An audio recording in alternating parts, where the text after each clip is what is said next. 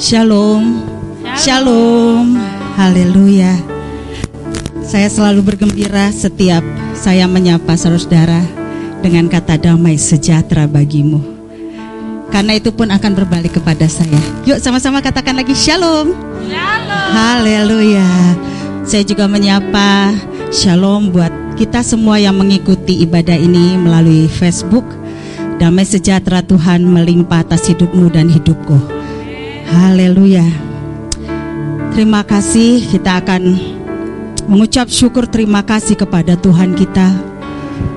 Mari angkat tanganmu, angkat wajahmu. Sungguh Tuhan, segala sesuatu terjadi karena kemurahan-Mu. Segala sesuatu terjadi karena seizin-Mu. Dan Engkau adalah Allah yang merancangkan segala sesuatu untuk kebaikan bagi kami. Kami pegang janjimu Tuhan.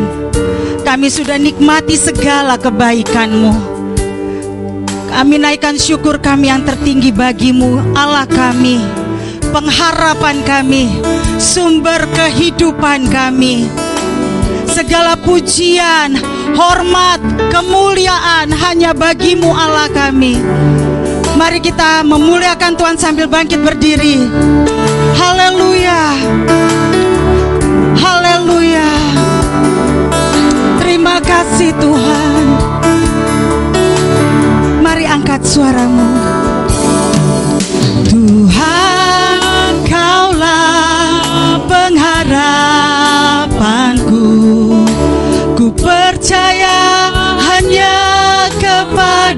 Kepadamu. Yesus, Kaulah perlindunganku.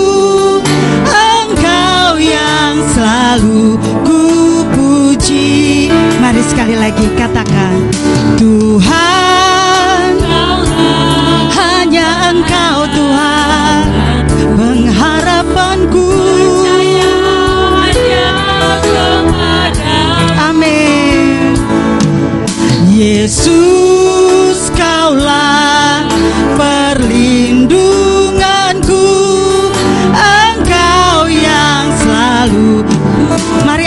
kedua tanganmu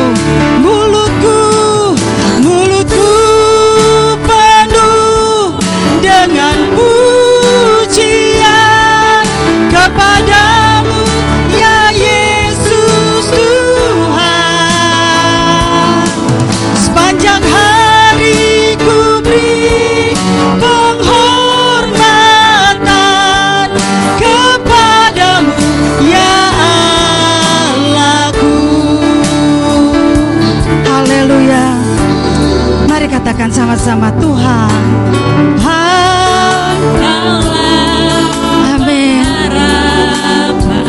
Oh.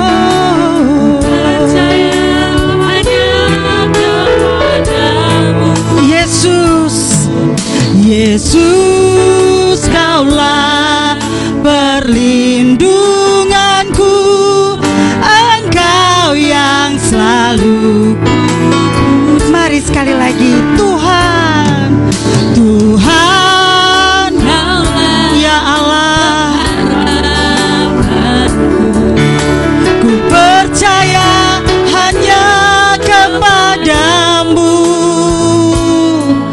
Yesus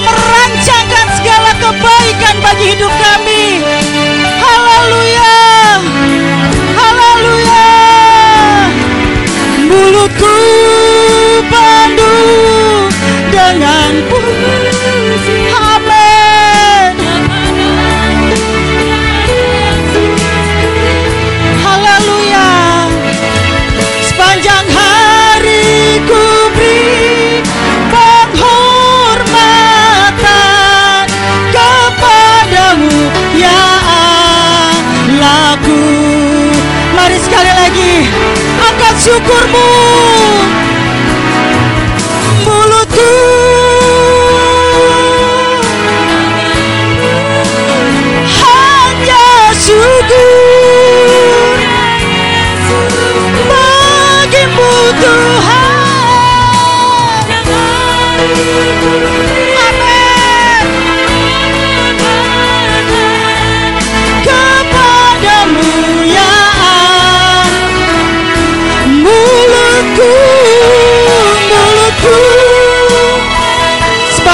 lebih dari hidup.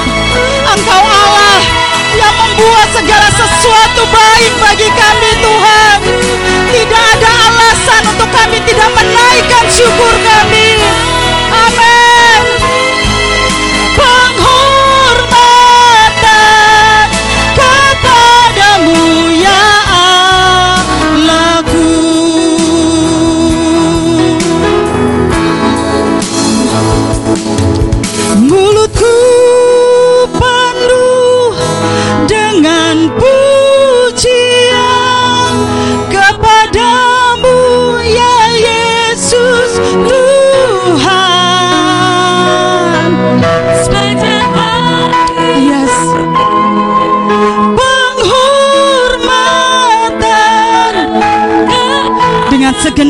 hati kami, kami naikkan sembah kami.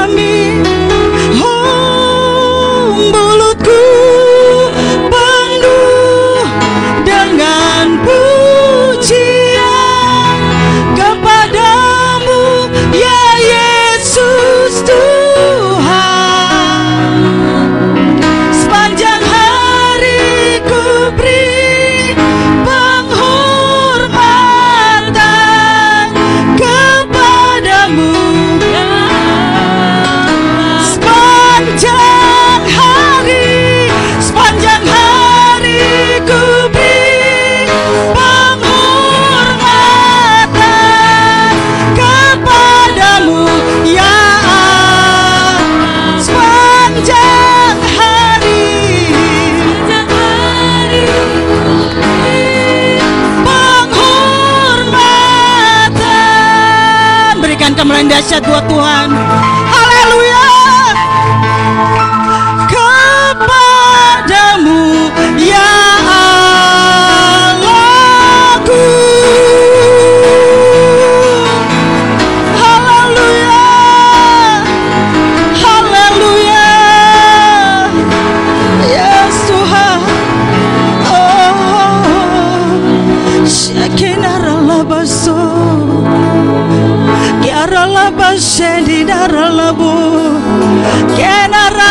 Kenaralabashedi ralabose Kinderi lalalabase Konaralabashedi daralabo Kenaralabashedi nalabasi Inaralabashi Biar saat ini kami hanya memegahkan engkau Allah kami Haleluya Oh ya saralaboshe Kiaralalabashe Makasih Tuhan Rabashe kiaralabase kendaralabashe Kiara lava shekendara lava sekendara lava se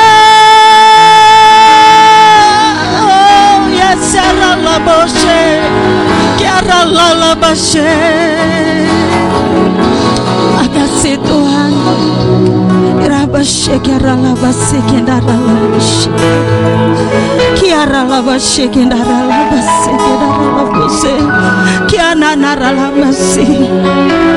binanana matakora lalabashendeda mbedaralabashendida ralabasi kondaralabashendida ralabasi hendaralabasonda labasi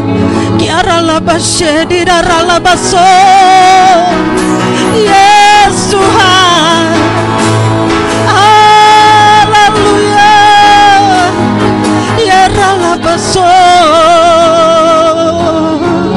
Yesus. Karalabasu. Kau Allah yang baik.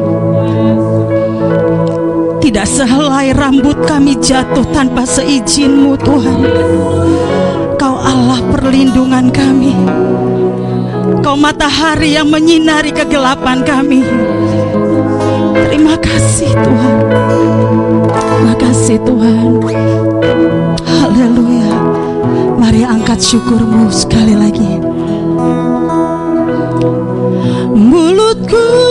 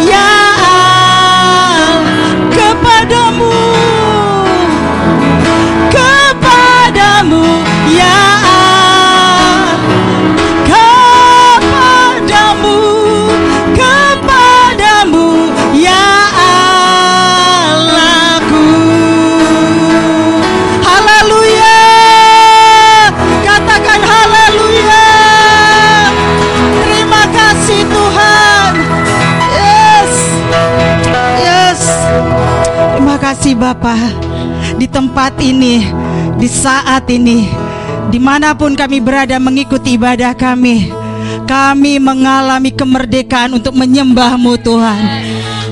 Haleluya. Mulut kami akan bersorak-sorak bagi namamu. Seluruhnya bagi namamu Bapa. Haleluya. Yang siap memuliakan Tuhan lebih lagi katakan Haleluya. Amin Amin Amin. Yes. Haleluya Saya rindu setiap kita boleh lihat kiri dan kanan Katakan Tuhan Yesus baik Yes Saudara boleh kembali duduk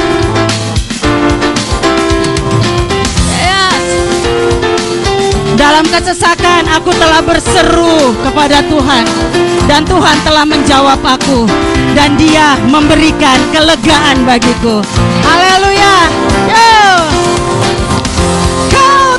Kau telah ubahkan ratapanku kini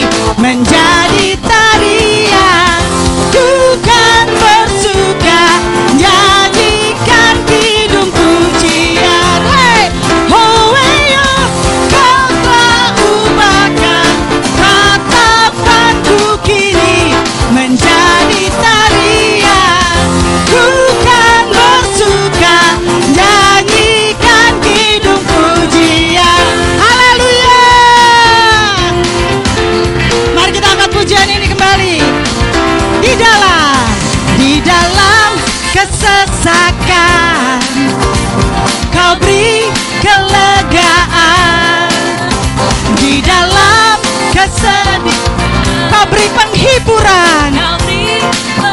Amin. Kasihmu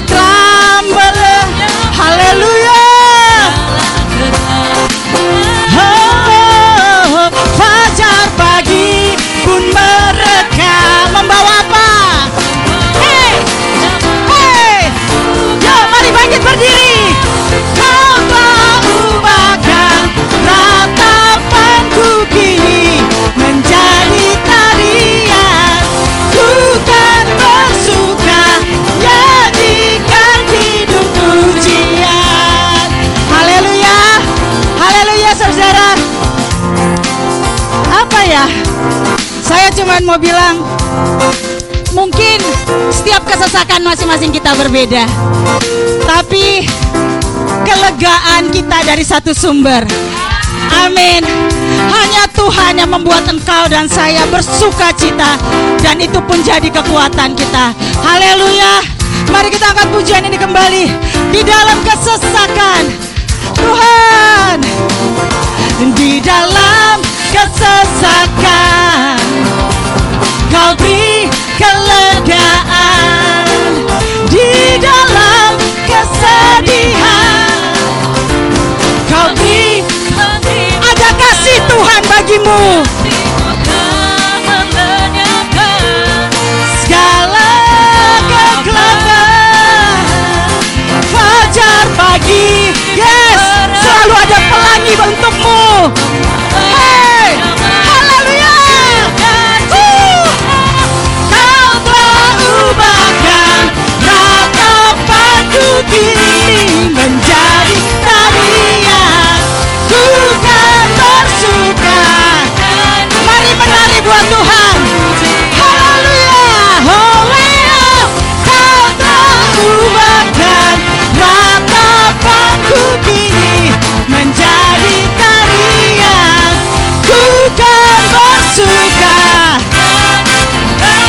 You've turned my morning.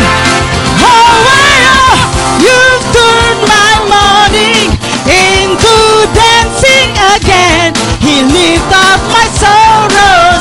I. I must sing for your joy has come. Haleluya. Saudara, ini saya akan bagikan apa yang dibagikan sama pemimpin saya di rumah setiap kami saat teduh ini lagu favorit gitu boleh Mega ya yang bahasa Inggris supaya apa yang saya terima jadi berkat jadi berkat juga buat saudara jadi he lift up my sorrows jadi dia angkat semua deritamu he into dancing again lagi-lagi bawahnya I can't stay silent aku nggak bisa diem Aku harus nyanyikan sukacita yang akan datang. Udah datang belum sukacitanya? Belum. Tapi nggak bisa diem. Kita nyanyikan sukacita yang akan datang menghampiri kita. Amin. Haleluya. Mari angkat hits my morning. Yo. His turn my morning into dancing again. He lift up my sorrows and I can't stay silent. I must sing for Mari cemas saja. Yo. Oh, I love him.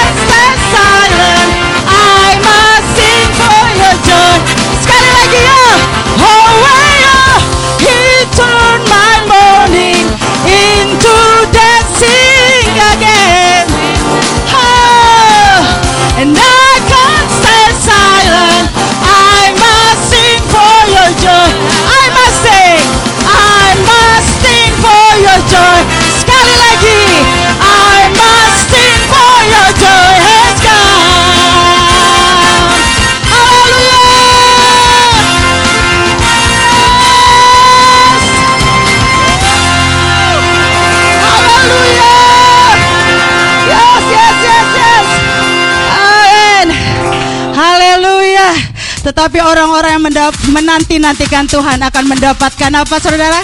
Kekuatan baru. Sama-sama katakan kekuatan baru. Yes. Karena engkau dan saya bukan anak yatim piatu. Kita punya Bapa. Amin. Haleluya. Yes. Biar lagu pujian ini menjadi kekuatan bagi engkau dan saya.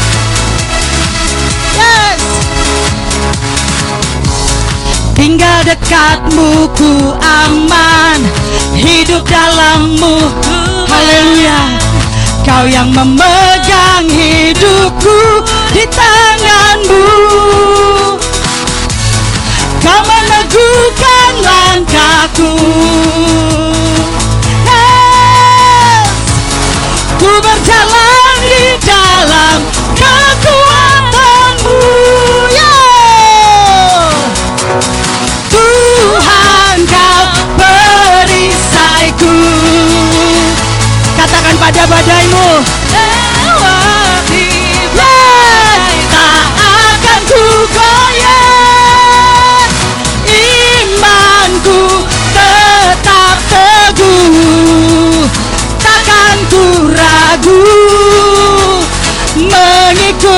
kasihmu Katakan haleluya. Mari angkat sekali lagi pujian ini. Tinggal dekatmu. Tinggal dekatmu ku aman. Hidup dalammu ku menang. Kau yang memegang hidupku di tangan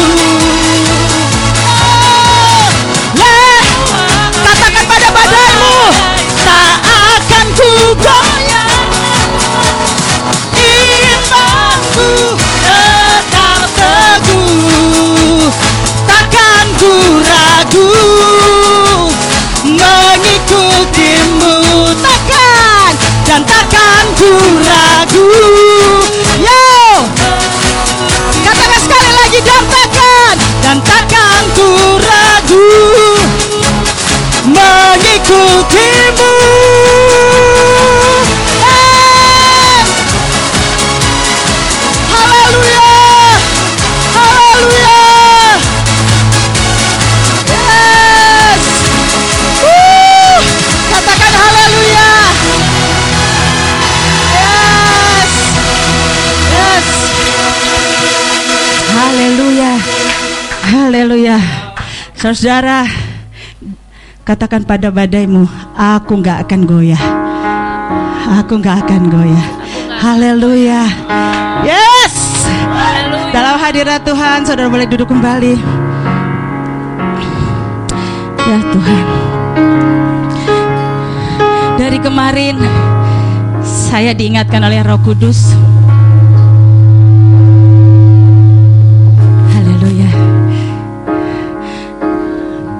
Tentang satu hikmat ini. Saya nggak saya Mungkin karena saya guru saya sering menghadapi tulisan-tulisan yang sudah tahu yang untuk anak kecil yang titik-titik yang harus ditrace gitu. Yang harus ditebelin ya. Saya bingung Roh Kudus ngasih itu dan dia kasih pengertian.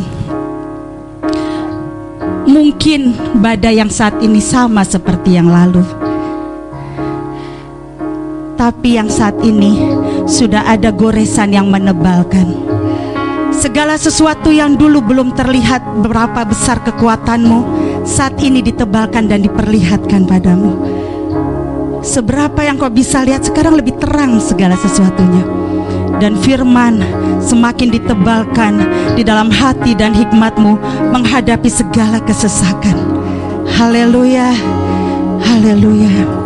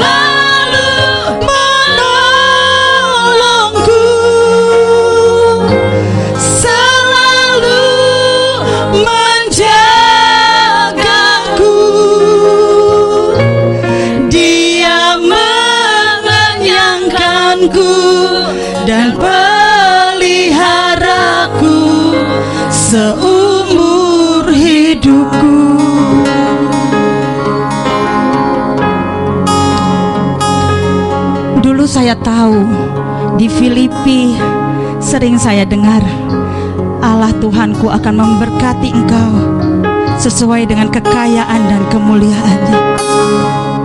Tapi yang saat ini di saat musim yang berbeda, ayat yang sama, namun kekuatannya makin kuat saya rasakan. Karena Tuhan, karena Tuhan tidak pernah meninggalkan engkau dan saya di sepanjang musim apa pun. Haleluya. Mari kita angkat berdiri dan angkat pujian ini. Akan selalu berganti Kasih Tuhan tetap abadi Terima kasih Tuhan Tak akan berubah Sampai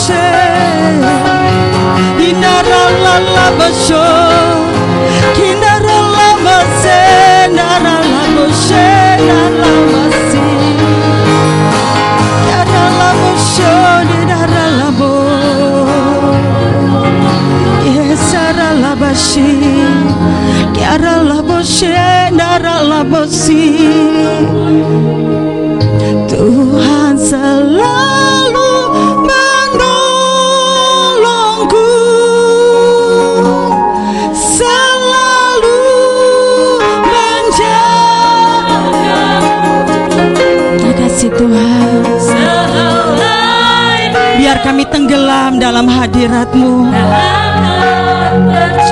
Amin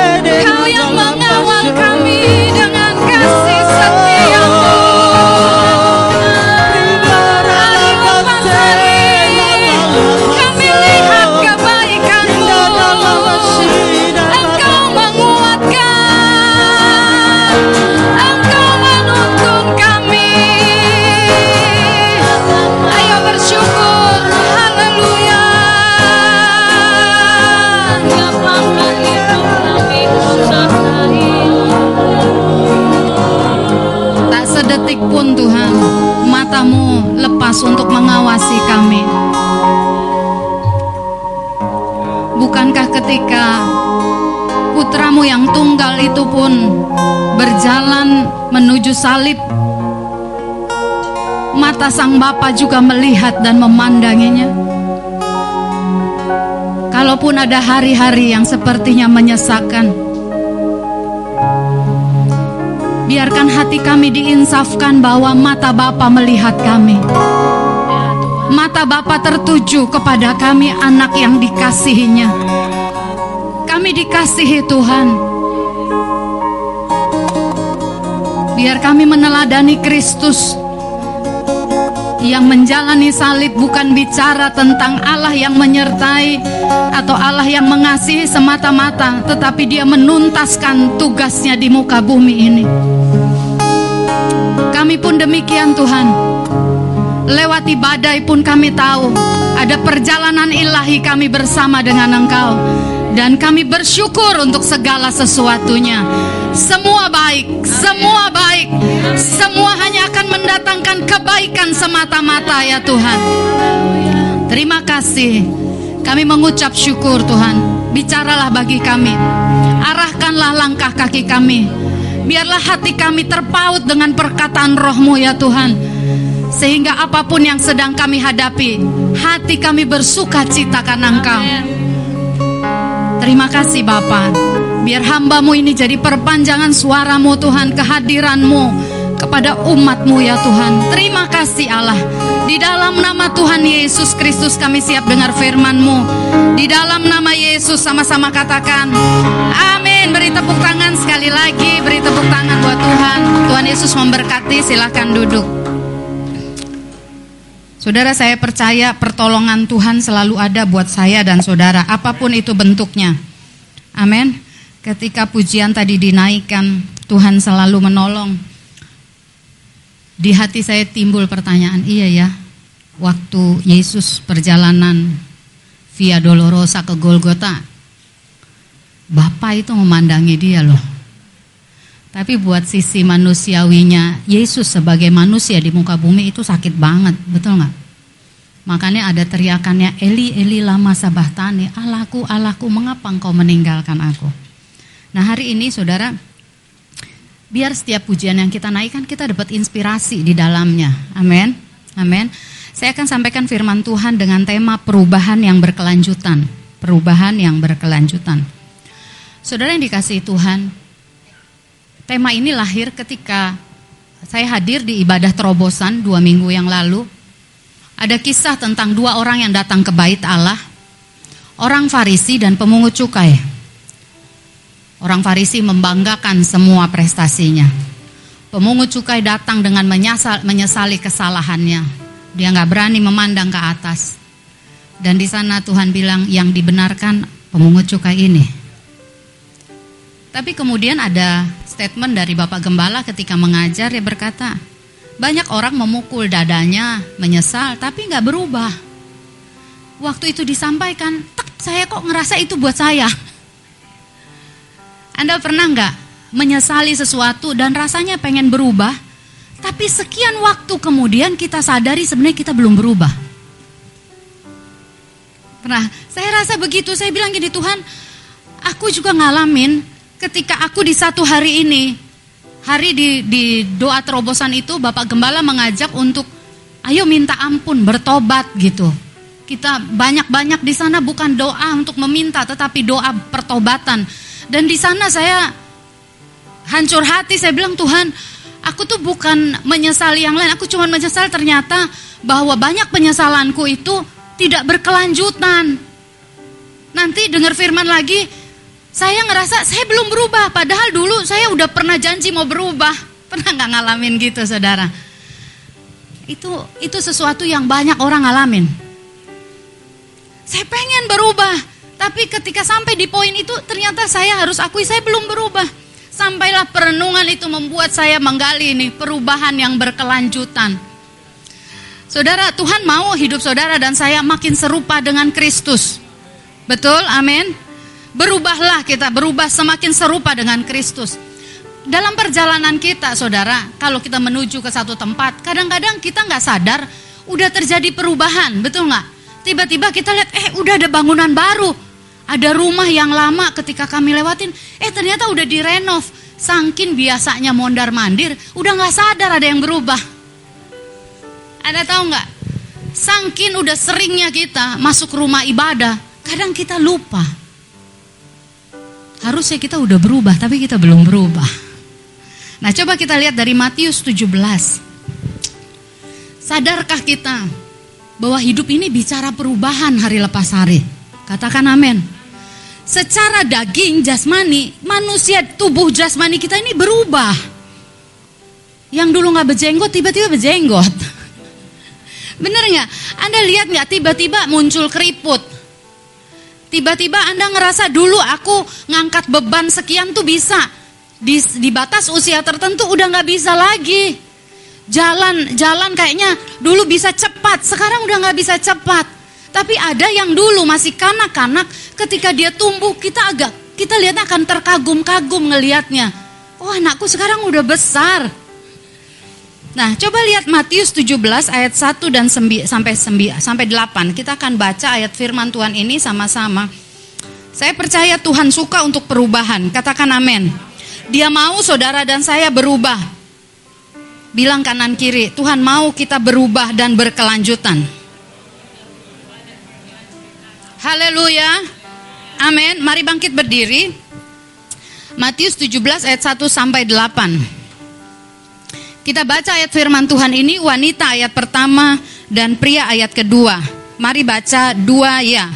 Yesus dimuliakan di atas gunung. Enam hari kemudian dan Yohanes saudaranya dan bersama-sama dengan mereka ia naik ke sebuah gunung yang tinggi.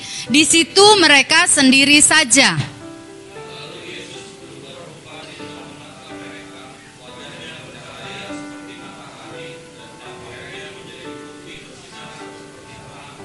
Maka nampak kepada mereka Musa dan Elia sedang berbicara dengan dia.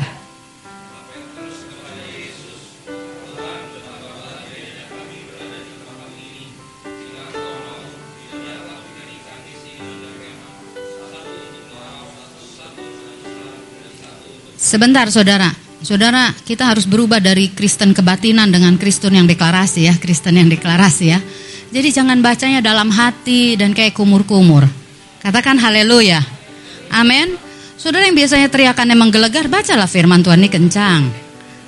Coba kasih kasih tonjokan kecil dulu ke bahunya. Yang benar lu kalau baca. Yang benar. baca firman Tuhan kok kayak nggak dapat kekuatan. Oke, ayat 5 wanita, tunjukkan engkau punya kekuatan itu. Amin. Dua ya. Dan tiba-tiba sedang ia berkata-kata,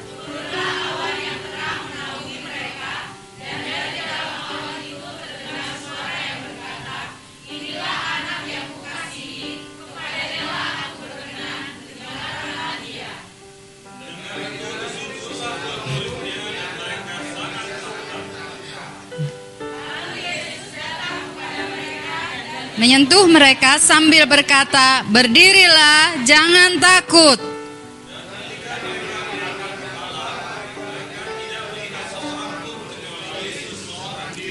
Coba saling melihat dulu pria sama wanita, bilang kayak gitu kalau baca, bilang. Silahkan duduk kembali. Haleluya, silahkan duduk. Saudara yang dikasihi Tuhan, di Matius ini dicatat bahwa kejadian tentang perubahan, orang sering cerita tentang transformasi perubahan Yesus. Tiba-tiba rupanya seperti matahari ada terang di wajah Yesus. Dan di sini saudara dimulai dari ayat 1 dicatat adalah ini terjadi enam hari setelah pengakuan. Setelah Yesus bertanya, kata orang siapa aku dan menurutmu siapakah aku? Dan di sana Petrus berkata, "Engkau adalah Mesias, anak Allah yang hidup." Dan berhenti di situ, Saudara, pertanyaan Yesus dilontarkan di keramaian di pasal sebelumnya, pasal 16. Tapi enam hari setelah itu, Yesus mengajak hanya tiga muridnya. Berapa orang? Tiga. Petrus, Yohanes dan Yakobus diajak bertiga. Waktu Petrus di pasal 16 mengungkapkan pengenalannya akan Tuhan dan berkata, "Engkau adalah Mesias, anak Allah yang hidup."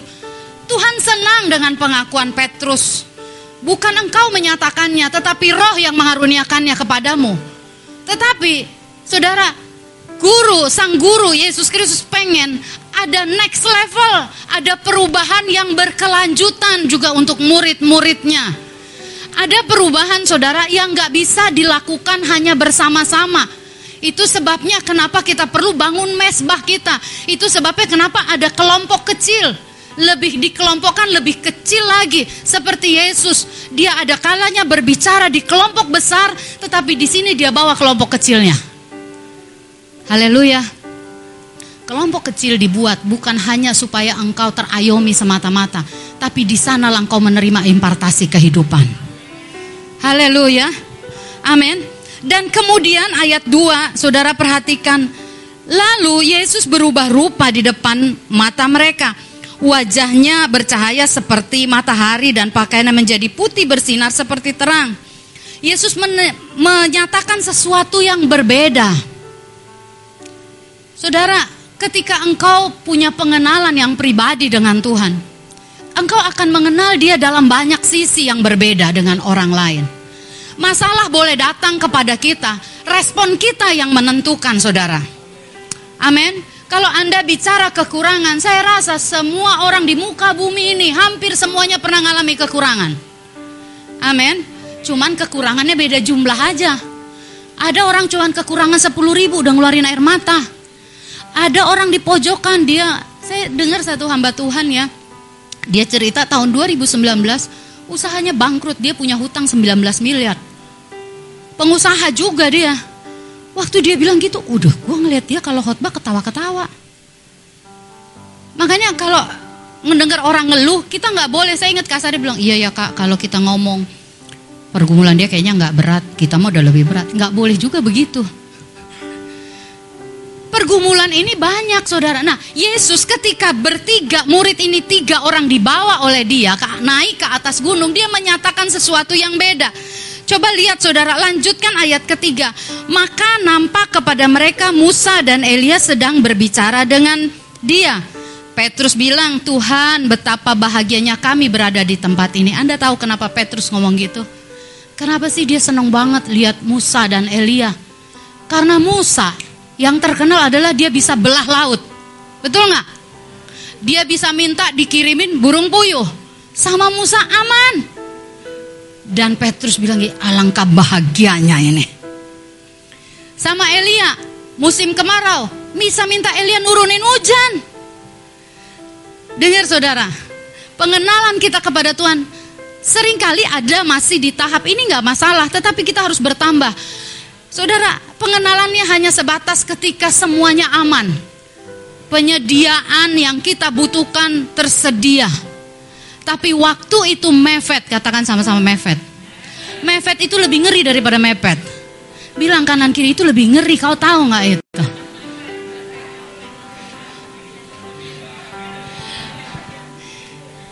Itu kefefet itu udah, aduh anda ngomongnya aja udah muncrat, itu udah susah ya. Dan di sana kenapa Petrus? Petrus yang punya pengenalan tentang Yesus Mesias yang hidup itu masih ada yang dari dagingnya masih tumbuh. Yang berkata dia mau cari keamanan, kenyamanan. Berapa banyak kita Saudara waktu semua aman, semua baik-baik aja, kita bisa mendeklarasi sesuatu yang kayaknya hebat. Tetapi ingat firman Tuhan tentang badai yang menyingkapkan. Tuhan mau kita berubah lebih lanjut. Berubah ke arah mana? Berubah ke arah Kristus. Waktu Petrus bilang alangkah bahagianya. Kalau saya ada di situ bilang lu kali bukan bahagianya siapa? Kenapa dia mau dirikan untuk Musa, Elia dan Tuhan? Karena itu kenyamanan buat dia. Saya bilang gini saudara, ketika ada orang curhat tentang pelayanan, ketika mereka cerita di daerah dengan demikian banyak pergumulan, saya bilang, kalau kamu cari kenyamanan di pelayanan, kamu akan kecewa. Kalau jadi hamba Tuhan cari kenyamanan, Anda akan kecewa. Karena bicara mengikut Tuhan, Rasul Paulus bilang begini, aku seperti orang orang gila. Coba lihat dulu deh, coba lihat ya. Ini sesuatu yang buat tambahan saudara ya. Coba lihat 2 Korintus 11 ayat 23 dulu ya. Salah seorang baca buat kita. 2 Korintus 11 ayat 23.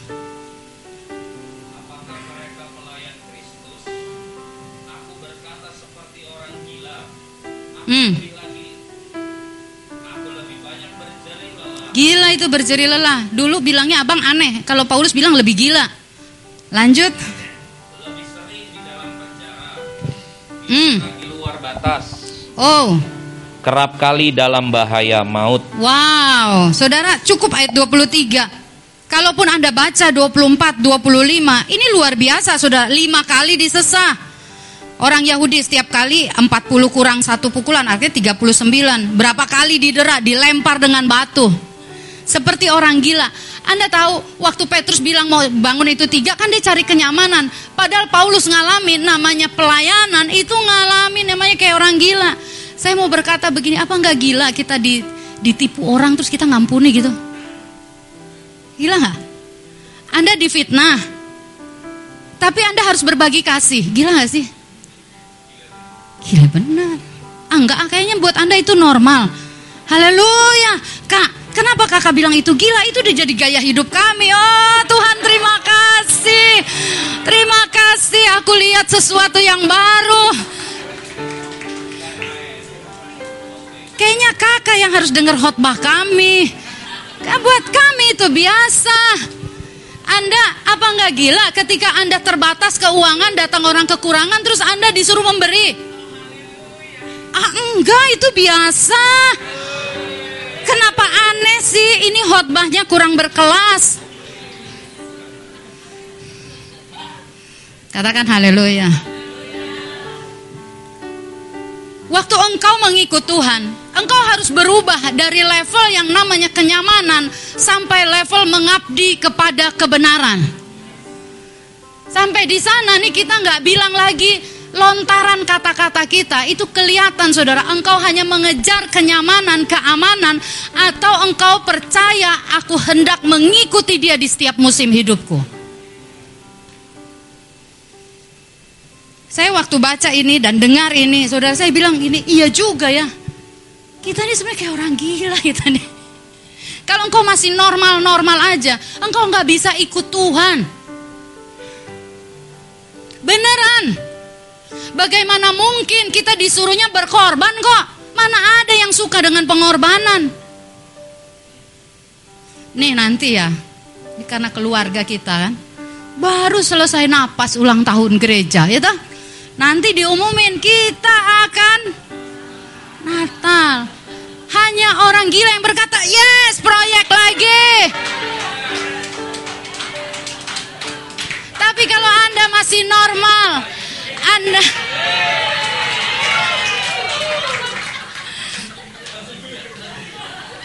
Katakan haleluya.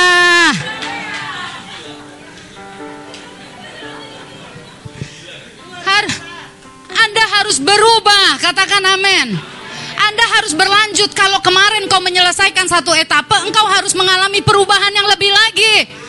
Sampai orang melihat rupa Kristus di dalam dirimu. Ngomong colek kanan kiri bilang, kalau gila jangan nanggung bilang.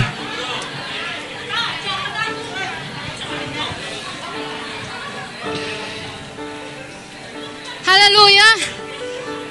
Saudara yang dikasihi Tuhan, ketika Yesus mengalami transformasi, sebenarnya dia hendak melihat juga motif di dalam hati murid-murid.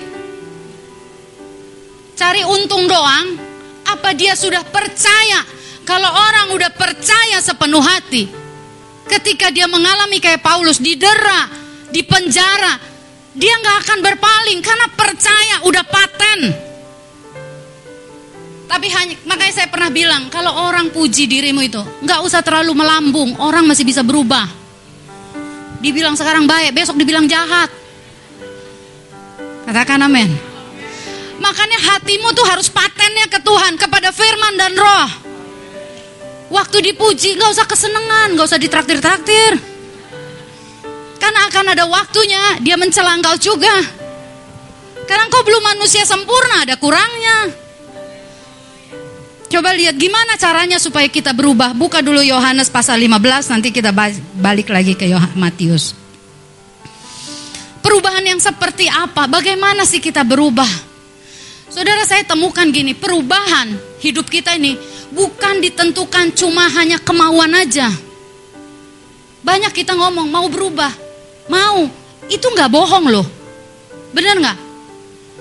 Saya saya ngerasa waktu saya dengar firman dan saya bilang aku mau berubah, itu bukan gombal. Memang ada hati nurani yang disentuh Tuhan, betul? Dan kita bertekad, kita bilang, "Yes, aku mau berubah." Tetapi firman Tuhan ini akan menjelaskan perubahan itu dikerjakan ketika engkau dan saya merelakan dirimu tinggal di dalam Dia.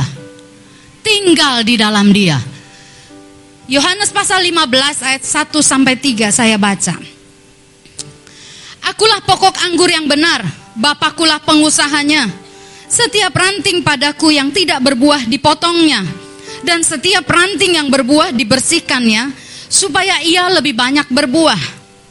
Kamu memang sudah bersih, katakan saya sudah bersih. Karena firman yang telah kukatakan kepadamu, artinya saudara dan saya bukan ranting yang akan dipotong waktu Anda dengar firman. Katakan amin dimulai dari ranting yang hanya nempel melekat kepada pokok anggur itu. Saya punya pohon, saudara. Saya punya kembang, saya tanaman saya, saudara. Satu hari jatuh kan dia pakai apa eh, standing gitu ya ada kakinya. Kena senggol cocok, jatuh saudara potnya. Saya benerin, ternyata ada beberapa bagiannya karena udah rimbun, ada bagiannya udah patah, tapi saya nggak sadar. Yang patah udah keluar udah saya buang. Tapi ada yang di dalam ternyata udah patah. Saya nggak sadar. Saya tetap siram siram. Kok saya lihat kok ini layu terus? Yang lain di sekitarnya itu di satu pot itu bagus warnanya bagus ternyata saya jumpai dia udah patah tapi dia ada di pot yang sama itu anda tahu waktu Anda tinggal tetapi tidak melekat sering kali kita tuh seperti dahan pohon itu yang saya bilang tadi kembang saya kayak ada di pot, ditaruhnya kayak deket tanah, tetapi dia nggak pernah masuk ke dalam tanah. Itu yang menyebabkan daunnya layu. Firman Tuhan bilang begini, kamu memang sudah bersih karena firman yang telah kukatakan kepadamu. Kita dibersihkan oleh firman dan roh, katakan amin. Katakan amin. Ranting yang kecil Dimulai dari ranting yang kecil. ranting ini tidak pernah berusaha cari cara gimana dia ngeluarin pohon anggur, eh buah anggur. Betul nggak? Karena Bapakkulah pengusahanya. Pokok anggurnya Yesus, Bapakkulah pengusahanya. Dia berkata ayat 4, tinggallah di dalam aku dan aku di dalam kamu. Sama seperti ranting tidak dapat berbuah dari dirinya sendiri kalau ia tidak tinggal pada pokok anggur. Demikian juga kamu tidak berbuah jikalau kamu tidak tinggal di dalam aku. Upaya yang perlu dilakukan ketika kita mau berkelanjutan berubah bukan sekedar tekad. Katakan amin. Tekad itu perlu, tetapi yang terutama adalah engkau tinggal di dalam Dia. Tinggal di dalam firman. Saya pernah bilang kepada seorang gini, kalau kamu mau ke Jogja, naik busnya arahnya Jogja dong. Betul nggak? Tapi banyak orang dia mau ke Jogja, terus dia lihat bus yang Lampung, Om telolet Om yang gitu. Dia lihat ini yang ke Lampung bagus juga nih, boleh juga nih, dia ikut. Padahal dia mau ke mana? Ke Lampung dulu deh, nanti kan bisa ke Jogja. Bisa nggak dari Lampung ke Jogja? Sangat bisa. Tapi mas saya buang waktu. Betul nggak? Kalau engkau mau menghasilkan buah, taruh tekad yang pertama adalah tinggal di dalam dia. Katakan amin. Dan pohon yang adalah anggur itu, yang Yesus Kristus adalah pokoknya. Saudara dijamin waktu engkau melekat, dia akan mengirimkan sari-sari makanan. Dia yang akan membuat ranting itu mulai tumbuh dan akan menghasilkan buah anggur. Haleluya. Setiap orang melewati masa sulit, saudara. Ranting ini, waktu dia nempel, waktu dia ditanam di sana, saudara, tidak selalu mudah. Saya ingat tentang Yusuf ya, saudara. Ini udah familiar banget kalau kita bicara tentang Yusuf yang dijual oleh saudaranya, difitnah. Yusuf yang saya lihat dari masa kecil dia menjelang menjelang agak remaja itu yang mulai dia dijual sama saudaranya. Yusuf mengalami kesukaran, Yusuf mengalami namanya kesedihan loh. Bertahun-tahun udah kerja bener dapet bos istrinya genit lagi. Bener nggak? Genit kan istrinya Potifar karena godain Yusuf. Si tante Poti, saya mau kasih tahu kepada anda karyawan-karyawan, waktu anda hidupmu bener pun Nggak selalu bosmu benar. Katakan haleluya. Cuman kan kita bilang, aku udah hidup benar kok bosku nggak benar. Yang perlu benar tuh dirimu dulu. Katakan amin. Haleluya. Tahu nggak waktu engkau ketemu yang nggak benar, ada ranting di hidupmu itu yang sedang mau tumbuh. Seperti firman di Yohanes tadi, dibersihkan, dibersihkan, dibersihkan dan kau akan menghasilkan lebih banyak buah. Yusuf ngalami yang nggak enak saudara. Di sanalah yang namanya saya pernah sampaikan proses bawah tanah. Proses bawah tanah. Kalau hari ini pengenalanmu akan Tuhan hanya bicara tentang kenyamanan, kenikmatan. Saya mau berkata hari ini saudara, taruh itu di bawah kaki Tuhan. Tuhan tahu memberi yang terbaik. Tapi dia tahu membawa engkau sampai kepada rencananya yang sempurna. Sampai kepada rencananya yang sempurna. Saya selalu bilang begini, Tuhan aku tuh kalau disuruh milih tuh takut. Kenapa? Karena pertimbanganku terlalu terbatas. Karena kalau aku disuruh pilih, aku akan pilih selalu yang nguntungin. Katakan haleluya. Siapa di sini kalau suruh milih pilih yang rugi nggak apa-apa kak? Enggak kak, aku yang penting mengikut Tuhan. Wah, dari mimbar ini Pak Robert kelihatan jemaat luar biasa sekali. Saudara, Bagaimana mungkin engkau bisa rela namanya dibersihkan? Itu kadang-kadang perlu saudara ada bagian kulitnya yang disayat. Namanya dibersihkan, ada bagian yang harus saudara digosok dan itu sakit. Tapi itu yang akan membuat engkau ketika engkau punya tekad tinggal di dalam Kristus, engkau akan mengalami perubahan. Engkau akan berubah menerima tekanan. Engkau akan berespon berbeda menghadapi masalah. Engkau akan mengalami perubahan respon kepada situasi di sekelilingmu. Kalau sekian lama responmu masih sama, saudara. Responmu masih gampang nangis, responmu masih gampang marah. Ada yang salah dengan ranting anggur hidupmu. Saya ketemu dengan banyak orang bilang begini, aku tuh kesel di rumah begini, di sini begini. Saya bilang, burung boleh terbang di atas kepala kita. Gak ada yang boleh larang burung terbang di atas kepala kalau lagi di jalan di lapang. Eh burung jangan terbang di atas kepalaku. Kalau burung bisa ngomong dia akan bilang, Emang daerah lu langit mah punya gue. Betul nggak? Tapi kita bisa larang burung buang kotoran di kepala kita. Orang boleh memfitnah, orang boleh menyakiti, orang boleh merugikan. Engkau yang menentukan kau tetap suka cita apa enggak. Katakan amin. Katakan amin. Saya nggak bisa bilang semua orang harus seperti yang saya mau. Jabat dulu tangan kanan kiri mau bilang, dengerin tuh, gue juga nggak bisa berharap kamu seperti yang aku mau.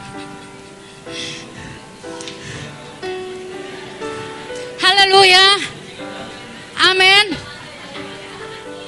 Ranting yang melekat kepada pokok anggur itu, itu bicara tentang orang percaya yang gak gampang mewek melewati masa krisis. Anda nggak takut sama tantangan, Anda nggak menghindari masalah, Anda nggak ngumpet di kolong tempat tidur ketika masalah datang. Seperti tadi Kasari bilang, waktu badai datang, aku akan tetap ber berdiri teguh. Haleluya, kita bukan Kristen murahan yang cuma mau enaknya doang. Ada suara yang lain di sana. Masa sulit itu cuma untuk membuktikan Tuhan ada bersama kita. Katakan amin.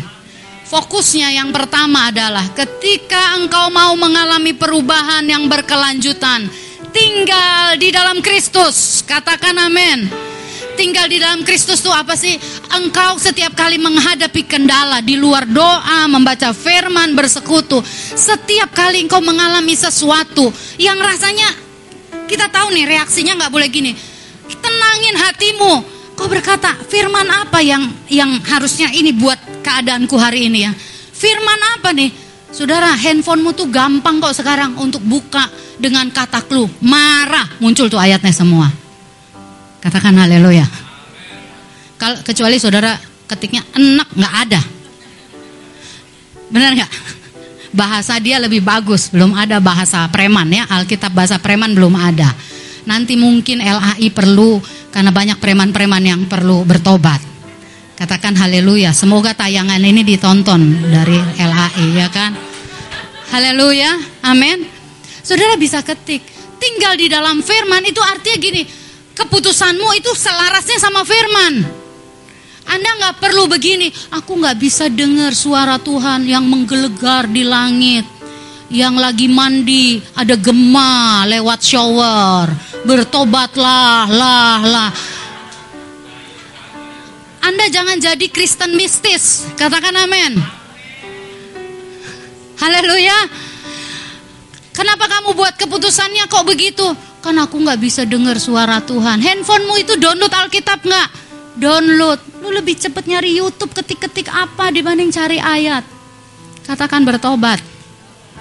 Jadi tinggal di dalam firman, saya cuma kasih satu clue itu. Setiap kali saudara rasakan sesuatu, marah. Aku sebenarnya udah gak boleh marah, tapi aku gak bisa terima. Cari ayatnya, deklarasi ayatnya. Katakan amin. Semua kita bisa lakukan itu. Gak cuma orang Pentakosta, orang GKI juga bisa lakukan itu. Katakan amin. Lanjut saudara. Yang perlu dikerjakan adalah hidup di dalam Kristus. Katakan amin. Coba lihat Roma 12. Yohanes 15 dulu ayat 5 Saudara, kita lanjutkan. Kita baca sama-sama Yohanes 15 ayat 5. Dua ya. Akulah pokok anggur dan kamulah ranting-rantingnya. Barang siapa tinggal di dalam aku dan aku di dalam dia, ia berbuah banyak sebab di luar aku kamu tidak dapat berbuat apa-apa. Katakan amin. Katakan amin. Di luar Kristus kita tidak bisa berbuat apa-apa. Tapi enggak kak, aku bisa kok. Ya, ujungnya akan sesuatu yang berbeda, akan membuat engkau putus hubungan dengan Tuhan, jauh dari Tuhan. Saya ingat saudara ya, banyak orang memutuskan sesuatu, bahkan bukan orang saya, dengan kegagahan bisa dilewati, tapi sayangnya akan menguras banyak air mata dan energi di sana. Tapi waktu engkau tinggal di dalam Kristus, engkau akan terima inspirasi dari kebenaran. Hatimu tuh terhubung dengan hati Bapa. Saya lagi nyuci piring kemarin, lagi sambil masak. Dan kemudian tiba-tiba saya diingetin gini loh, diingetin wajah-wajahnya jemaat. Yang di sono, yang di sini gitu. Nggak usah disebut namanya ntar anda tersinggung. Aku nggak diingat gitu kan padahal memang kan belum semua. Masa saudara sehari nginget semuanya kan repot dong. Saya ingat beberapa dan kemudian saya bilang ini Tuhan saya masak. Iya nih aku ini bersembunyi di balik alasan aku nggak bisa naik motor aku nggak bisa bawa mobil. Terus aku bilang aku nggak boleh begini nih aku hamba Tuhan. Aku harus bisa ikuti apa yang Tuhan taruh di hatiku. Kalau Tuhan suruh pergi, pergi. Kalau Tuhan suruh datangi, datangi. Kalau aku nggak berubah, gimana orang yang aku pimpin pasti nggak berubah. Kemudian saya datang sama suami saya, saya bilang, iya deh, saya mau belajar bawa motor sama mobil. Sekian lama disuruh belajar, nggak mau. Tapi waktu kesadaran itu datang, makanya saya bilang gini, suami-suami dan istri-istri, kalau ada harapanmu yang kau sampaikan kepada pasanganmu, itu belum terjadi. Tenang aja. Engkau bisa doakan sampai hatinya itu dapat inspirasi untuk berubah. Kenapa juga berubahnya nggak di kamar doa lagi masak ya? Karena Tuhan tahu kapan waktunya dia bisa ngomong sama engkau dan saya. Katakan amin. Jangan berhenti untuk mengenal Tuhan. Jangan berhenti hanya bicara tentang mujizat dia memberkati saya ingat bertahun-tahun yang lalu saudara, ada banyak rasanya buat saya mujizat soal keuangan. Pernah cerita ya, orang undang pelayanan di kantor. Saya emang jadwalnya nggak ada, cuman itu doang jadwal nggak ada yang lain. Enggak, nggak laris, biasa aja. Tapi orangnya begitu membatalkan saudara. Hari Rabu, memang kami waktu itu sejujurnya keuangan kami sedang menipis. Waktu diundang saudara, dibilang bu jangan lupa ya pelayanan. Itu di hati tuh kayak mulai tuh, kayak Petrus, alangkah indahnya. alangkah indahnya ada pelayanan. Tapi tahu nggak saudara, Tuhan tuh tahu ketika hati saya mulai berharapnya ke sana. Dua hari sebelum pelayanan dibatalin, orangnya bilang, Bu sorry nggak jadi persekutuan karena kami hendak buka showroom baru. Oh oke, okay. tapi Anda tahu, di hati saya ini langsung lemes, saya bilang, wah nggak jadi pelayanan. Anda pernah gitu nggak? Ngarepin sesuatu nggak jadi. Dan saya bilang ya udahlah gitu, udah nggak berharap. Tapi ketika harinya hari Jumat, dia telepon saya stafnya. Dia bilang bu, minta tolong kirim nomor rekening. Lo kok tumben? Biasanya kan langsung ngasih. Terus dia bilang, bukan bu, karena bos saya bilang kasihan Ibu Foni udah ngebatalin pelayanan lain demi kita. Padahal nggak ada, nggak ada beneran. Saya bilang enggak enggak apa-apa. Saya enggak bilang enggak ada, kan agak jaga image gitu saudara. Saya bilang enggak apa-apa, enggak apa-apa. Terus dia bilang enggak. Saudara tahu, tanpa melayani tapi diberkati. Itu kan cerita satu sisi di mana kekurangan Tuhan beri. Tapi ada waktu juga ketika kekurangan nggak datang seperti itu. Tuhan mau pengenalan saya tambah, bertumbuh, Apakah waktu saya nggak dapat jalan keluar, nggak dapat nggak dapat rasanya seperti yang saya bayangkan di hari yang kemarin? Saya udah deklarasi bilang, Tuhan, Engkau yang menolong aku di hari yang lalu, Engkau pasti menolong aku di hari ini juga sampai selama lamanya. Maranatha, amin. Kenyataannya nggak datang. Kenapa? Bukan Tuhan yang berubah. Tuhan mau saya berubah. Saya berubah. Saya berani sampai doanya bilang begini, Tuhan, sekalipun kau nggak menolong aku, Aku tahu engkau bersama dengan aku. Engkau ngeliat aku kok Tuhan. Karena itu aku gak akan kasih muka jelek sama Tuhan. Karena Tuhan ngeliat aku. Aku pengen selalu kasih muka bagus sama Tuhan.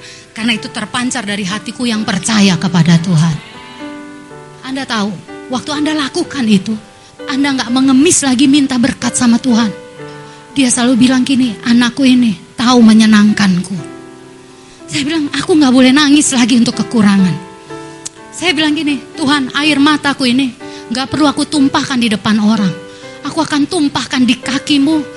Waktu mentok, saya datang di kaki Tuhan dan berkata, Tuhan tolong aku. Aku begini, begini, begini, begini, begini. Selesai. Dan saya bilang gini, aku gak mau pikirin lagi karena sudah aku lapor sama bos pemilik hidupku, dia yang mikirin. Alangkah indahnya waktu hidupmu dirubah seperti itu. Dirubah seperti itu. Waktu engkau terima banyak ya, engkau akan bilang begini, Tuhan, ini sebenarnya di luar yang aku bayangkan. Tapi ini pun milikmu Tuhan. Kalau yang di tanganku ini, engkau suruh alirkan ke kanan, ke kiri. Aku ini cuman saluran Tuhan.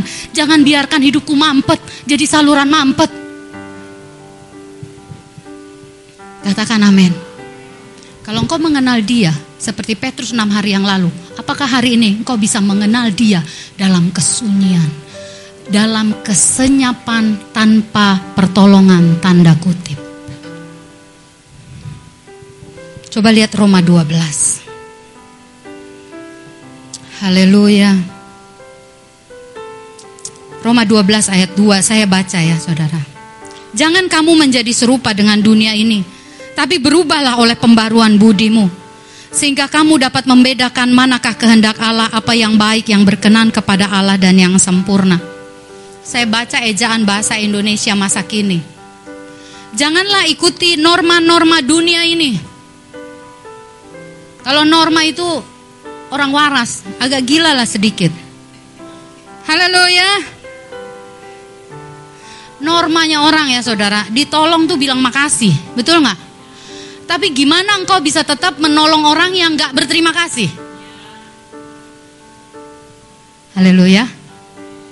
Dulu ada orang disekolahkan, terus kalau nggak bilang, kalau misalnya dia sekolahnya nggak bener, dia bolos, dulu kita marah. Kita bilang daripada aku bayarin sekolah dia. Sekolahnya nggak bener, padahal kita kan berjuang nyekolahinnya. Mendingan kita sekolahin yang lain. Sampai Pak Pendeta bilang begini, itu uangnya siapa? Uangnya siapa? Uangmu, uang Tuhan. Lah kenapa kau marah? Haleluya.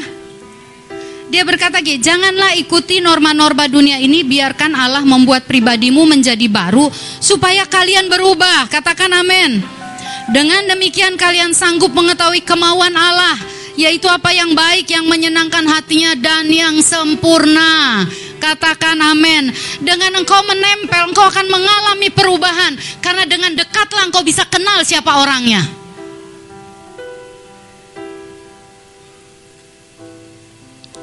Ada satu orang yang dalam kemurahan Tuhan sedang sekolah dan menghubungi dan kami terlibat. Dalam beberapa kali chattingnya, saya lihat ya, kemarin lagi mandi saya ingat gini, dia bilang makasih nggak ya? Kayaknya enggak, Anda pernah gitu gak? Lagi mandi loh, orang chattingnya udah berapa? Dia makasih nggak ya?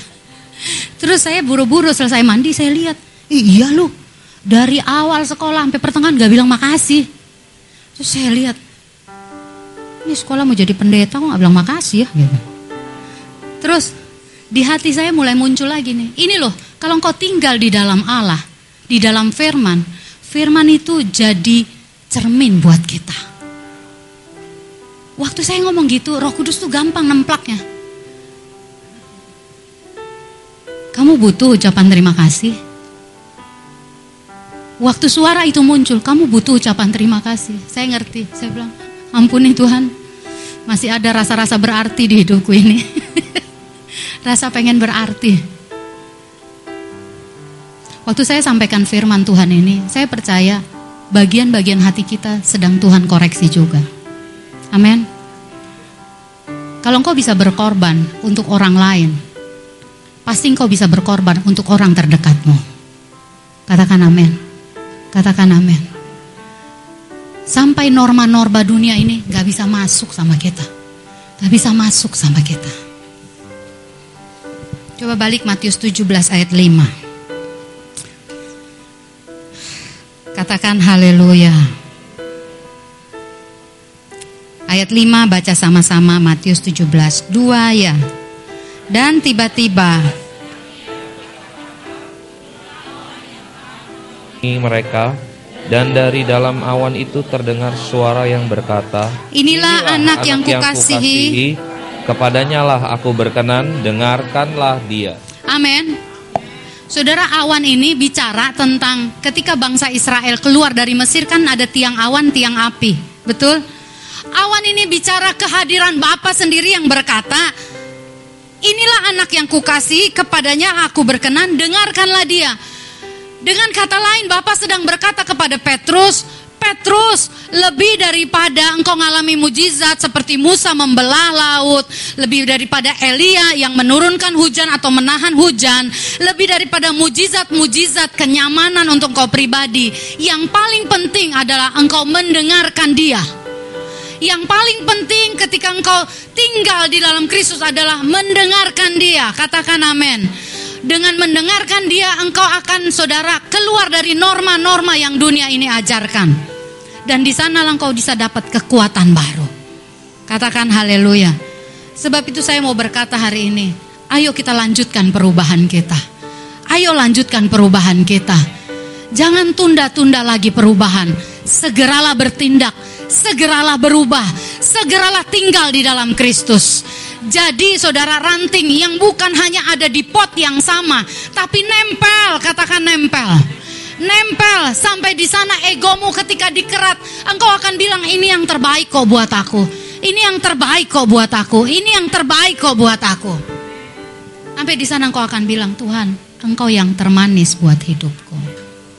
Ketika saya sampaikan firman Tuhan ini, Gak semua kita dalam kondisi yang aman. Gak semua kita bisa cerita tentang keindahan. Mungkin engkau sedang menangis, tapi engkau menangis di bawah kaki Tuhan. Mungkin engkau sedang bergumul, mungkin engkau sedang mengalami kegagalan dan kau malu, engkau marah dengan kecewa dan segala macam. Tapi ingat, tetap nempellah sama Tuhan. Tetap nempellah sama Tuhan. Amin. Tutup Alkitabmu.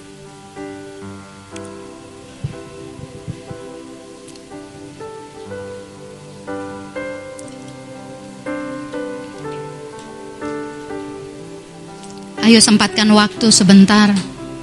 Masing-masing kita berdoa di tempat kita secara pribadi kepada Tuhan.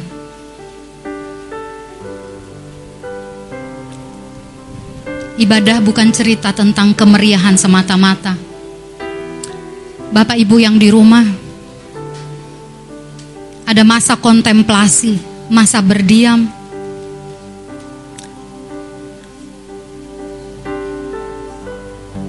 Masihkah awan itu bisa menginterupsi kita?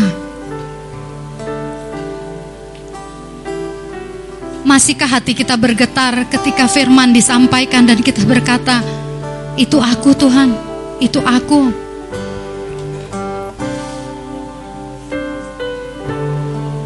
Ayo datang semua kita satu demi satu engkau.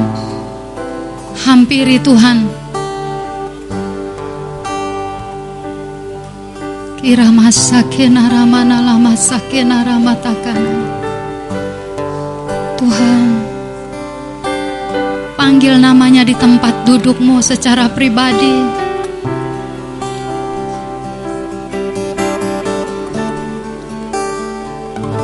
Seringkali aku mengupayakan yang dari kesanggupanku Aku lupa bagianku adalah menempel dekat dengan engkau, dekat dengan engkau, dekat dengan engkau. Kirama sakina ramana sikina ralamana. Kirama takara lama sakina ramana.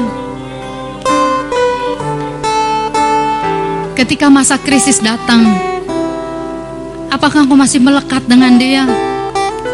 Ketika kesenangan datang, apakah engkau masih melekat dengan dia? Apakah yang paling berharga dalam hidupmu dan hidupku? Pujian, prestasi, atau ketika engkau bisa dengar dia menuntun engkau. Ada satu pujian saudara yang berkata, sebab kau sertaku.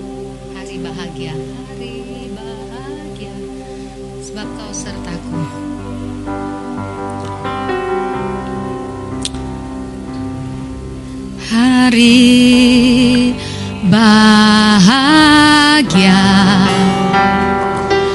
dalam hidup hidupku. Berjalan bersamamu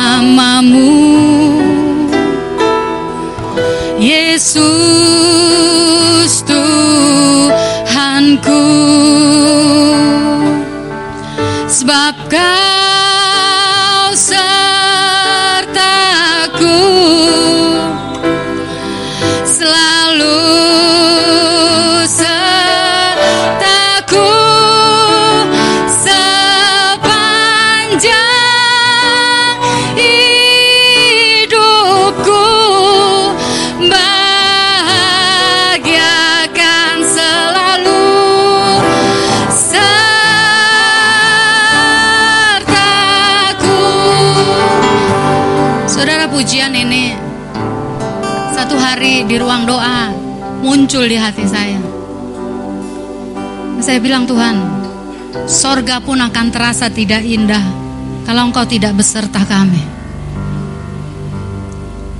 Musim yang kering, yang tandus pun itu tidak akan menyebabkan luka dalam hidupmu kalau engkau menyadari kehadiran Tuhan. Amin. Saya akan nyanyi pujian ini dulu bersama dengan para singer. Anda nikmati, hadapkan hatimu kepada Tuhan.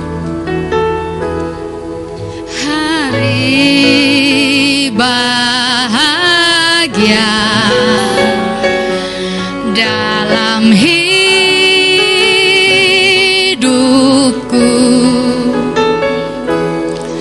Berjalan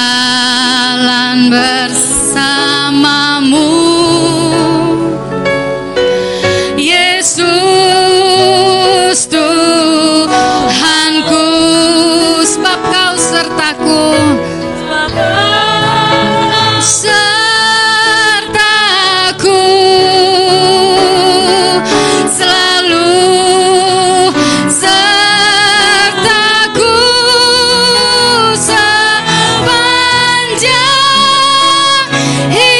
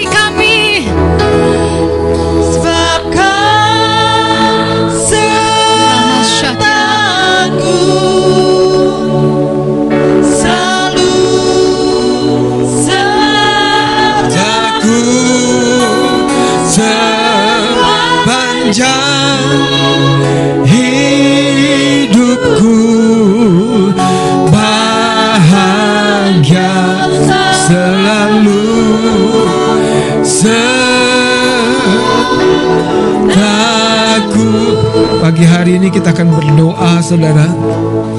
Dan biarlah firman Allah yang sudah disampaikan menjadi satu pesan yang terus terngiang-ngiang. Apakah aku sedang menjalani sebuah perubahan yang berkelanjutan? Itu yang membuat ketika musimnya berbeda engkau bisa down lagi kau bisa jatuh lagi kau bisa lemah lagi. Karena kita telah tiba di satu zona nyaman dan tidak berubah berkelanjutan.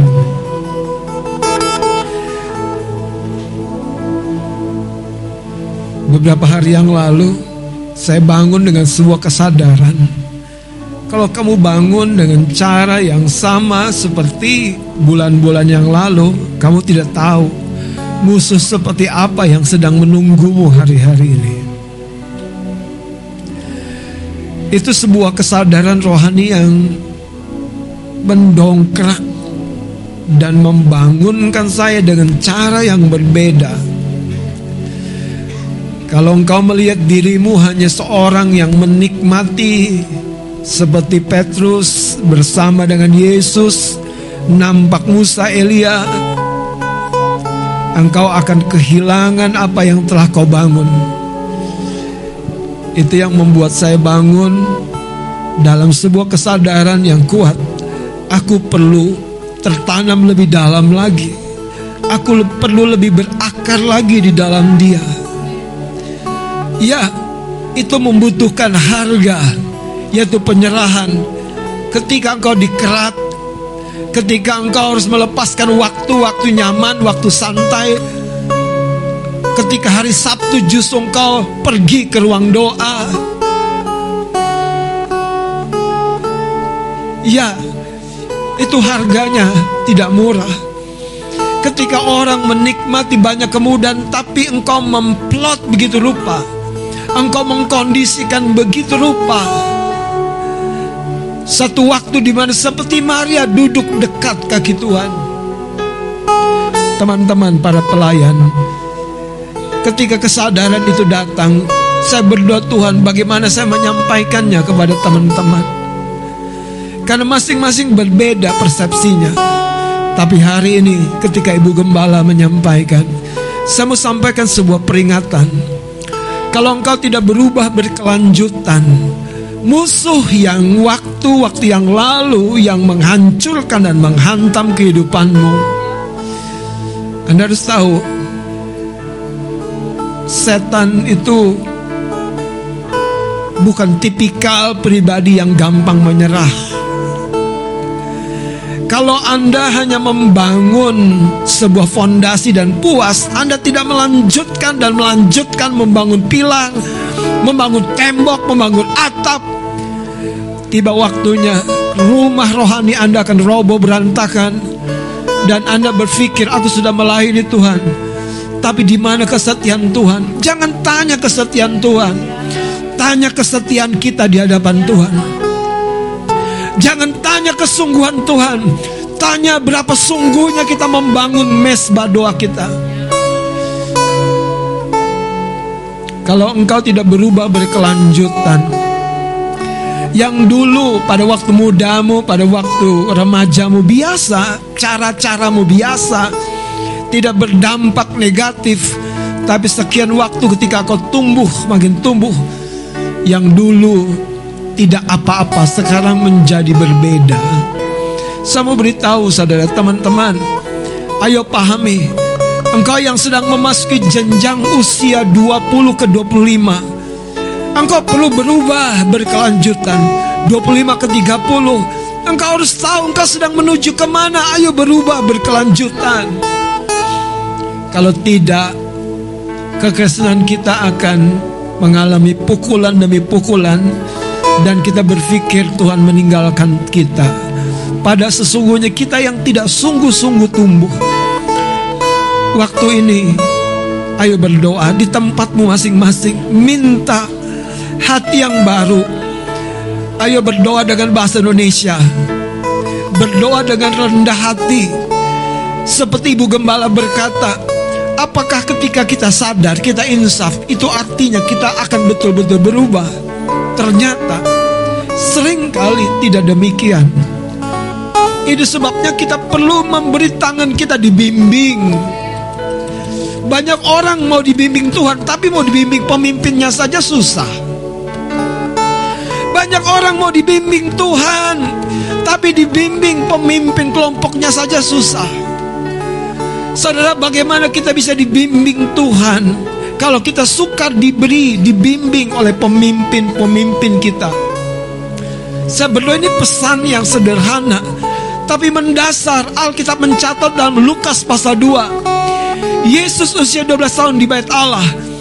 Ketika Maria dan Yusuf mencari dan mendapati dia dan mengajak Yesus umur 12 tahun itu kembali, Alkitab mencatat Yesus hidup dalam asuhan Maria dan Yusuf orang tua lahirianya. Wow, betapa indahnya.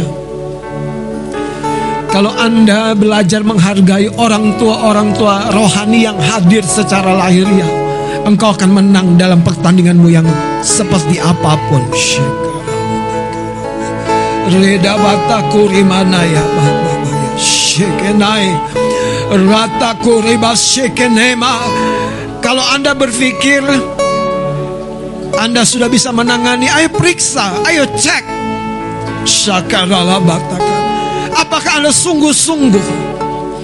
Nama takaralabata. Saya berdoa dan roh takut akan Tuhan turun di tengah-tengah kita. Kita bukan sekedar hadir beribadah, tapi kita hadir membuka hati kita. Karena orang yang berbahagia adalah orang yang mendengar dan melakukan firman-Nya. Terima kasih Tuhan. Terima kasih. Mari ikuti doa saya dengan lembut saja. Tuhan Yesus, pagi hari ini aku sadar. Sering kali aku sadar, aku insaf, aku sadar, aku mau berubah. Tapi itu belum cukup berubahku. Hari ini aku dapat satu poin. Aku perlu terus terhubung dengan firman itu. Sehingga tanganku tidak lagi berupaya sendirian. Tapi dibimbing. Seringkali aku berupaya. Tapi aku mengebaskan tangan orang-orang yang engkau pakai untuk menuntunku. Hari ini Tuhan, tolong aku untuk mengalami perubahan yang berkelanjutan. Karena aku percaya tidak ada satu musuh pun yang terlalu kuat kalau engkau yang berserta denganku. Kalau engkau yang berjalan bersama denganku, aku pasti akan keluar lebih dari pemenang, lebih dari pemenang, lebih dari pemenang. Haleluya, haleluya, haleluya. Kita nyanyikan referen pujian ini. Engkau Ayo angkat tanganmu Sertaku Nyanyikan dari hati kita Lu Sertaku Sepanjang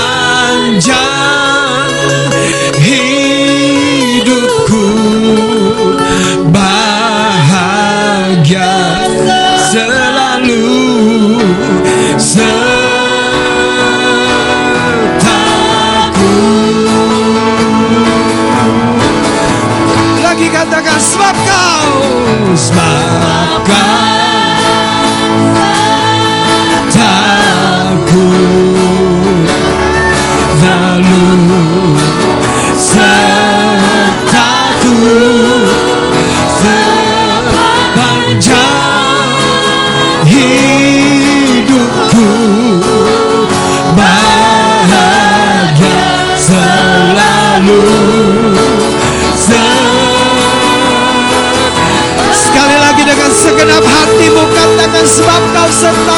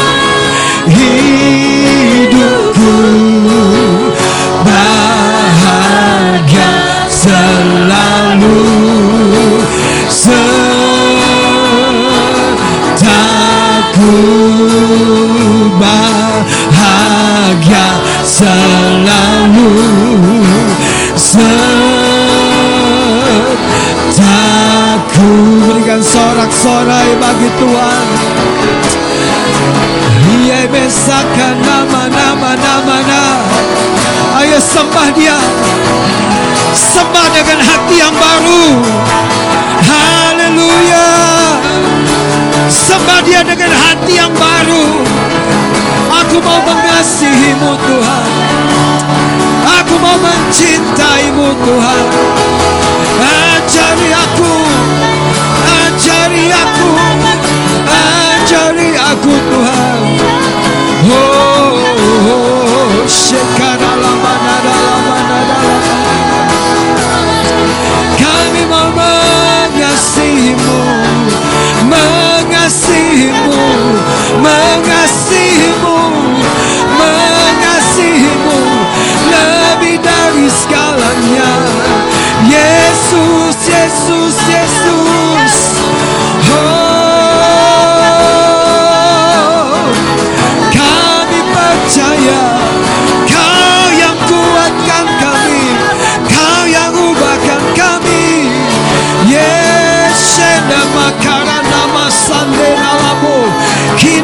mukari na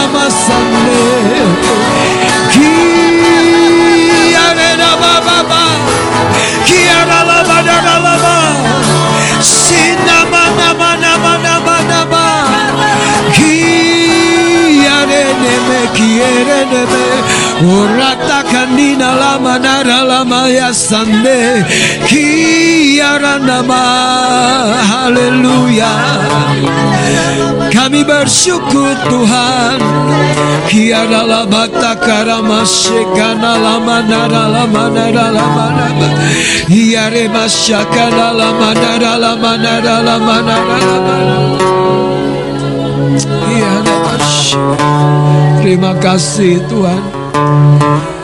Haleluya, haleluya. Biar hatimu terus terbuka kepada dia. Haleluya. Yesus Tuhan, terima kasih. Terima kasih. Terima kasih. Terima kasih. Terima kasih.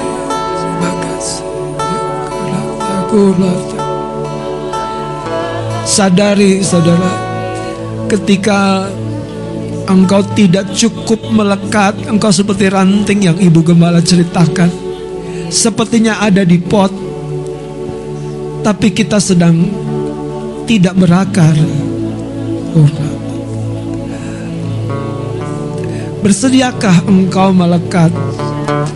Melekat itu artinya kita terbatasi langkah-langkah kita. Tapi untuk kebaikan dan karya anugerahnya dalam hidup setiap kita. Urika rubasyakana Rakata di dali mama maya rasyekene makara labata karya dabastari Rasa dikiri dari karabasana labakaya Hari ini Tuhan mau berkata, sering kali pikiranmu itu berupaya mencari-cari jalan begitu rupa. Tapi di sisi yang lain, Tuhan mau berkata, engkau sudah mulai merenggangkan, merenggangkan, melonggarkan keintimanmu dengan Tuhan. Masalahnya bukan hanya engkau mencari dengan upaya kekuatan dan ide-idemu, tapi ketika engkau merenggangkan, di situlah kita tidak sadar. Kita melepaskan kebergantungan kita kepada Tuhan. Tuhan beri kami hati yang insaf hari ini. Beri hati yang mau berbalik.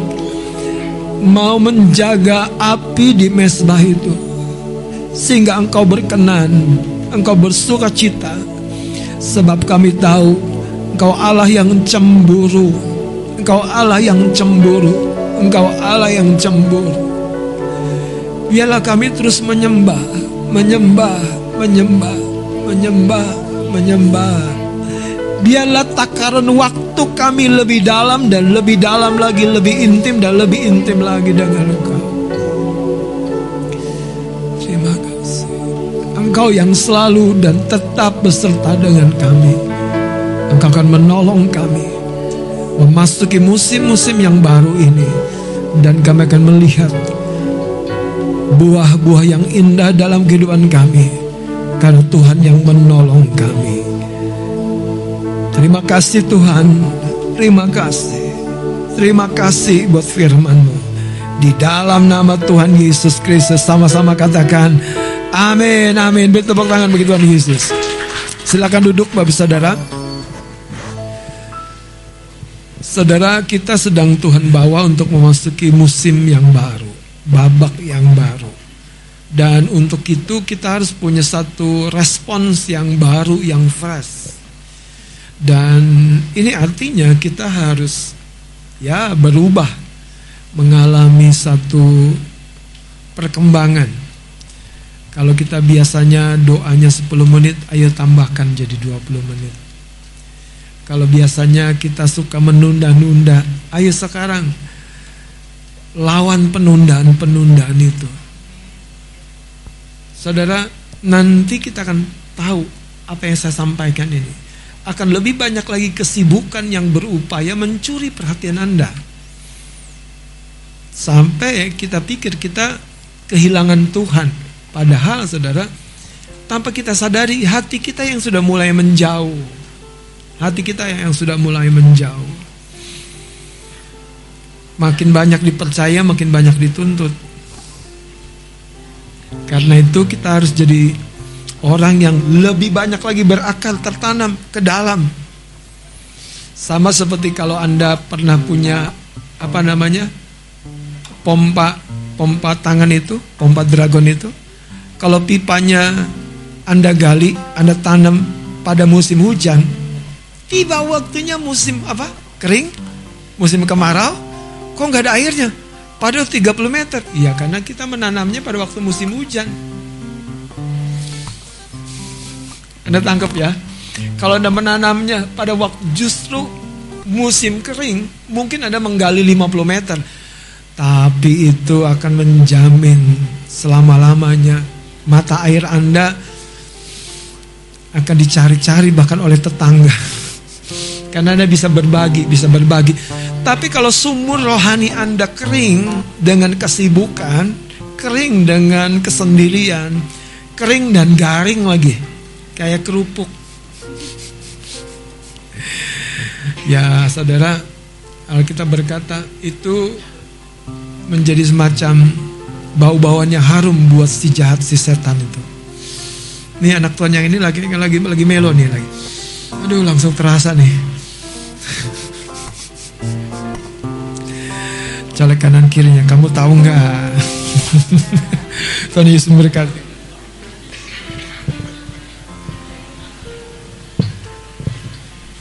Haleluya.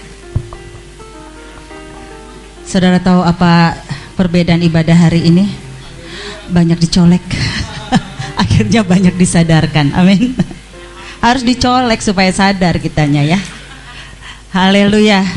Baik, uh, sebelum nanti akan ada kesaksian karena ini minggu ketiga sudah ada 1510 yang mendaftar.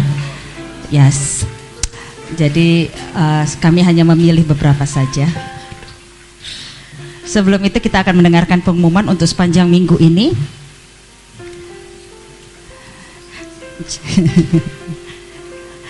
untuk kegiatan sepanjang minggu ini kita akan bertemu kembali di ibadah raya minggu depan. Amin. Amin. Selalu bersemangat dan tadi saya pikir saya udah terlambat, ternyata masih sepi. Artinya banyak yang harus lebih cepat minggu depan untuk datang ya. Haleluya.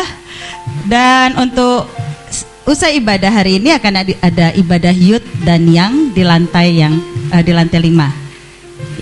Di lantai yang di lantai lima. ya, sebagian besar di sini youth and young dan orang tua yang berjiwa youth. Uh, mantap. Oke, okay, baik itu saja kita akan sama-sama mendengarkan kesaksian dari saudara kita Grace.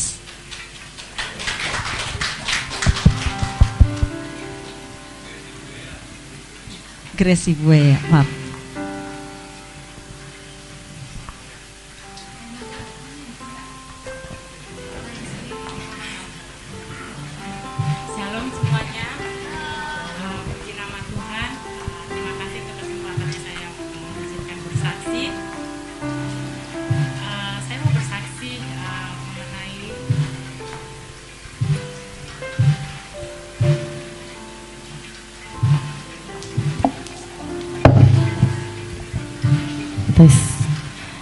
You Mas Adit.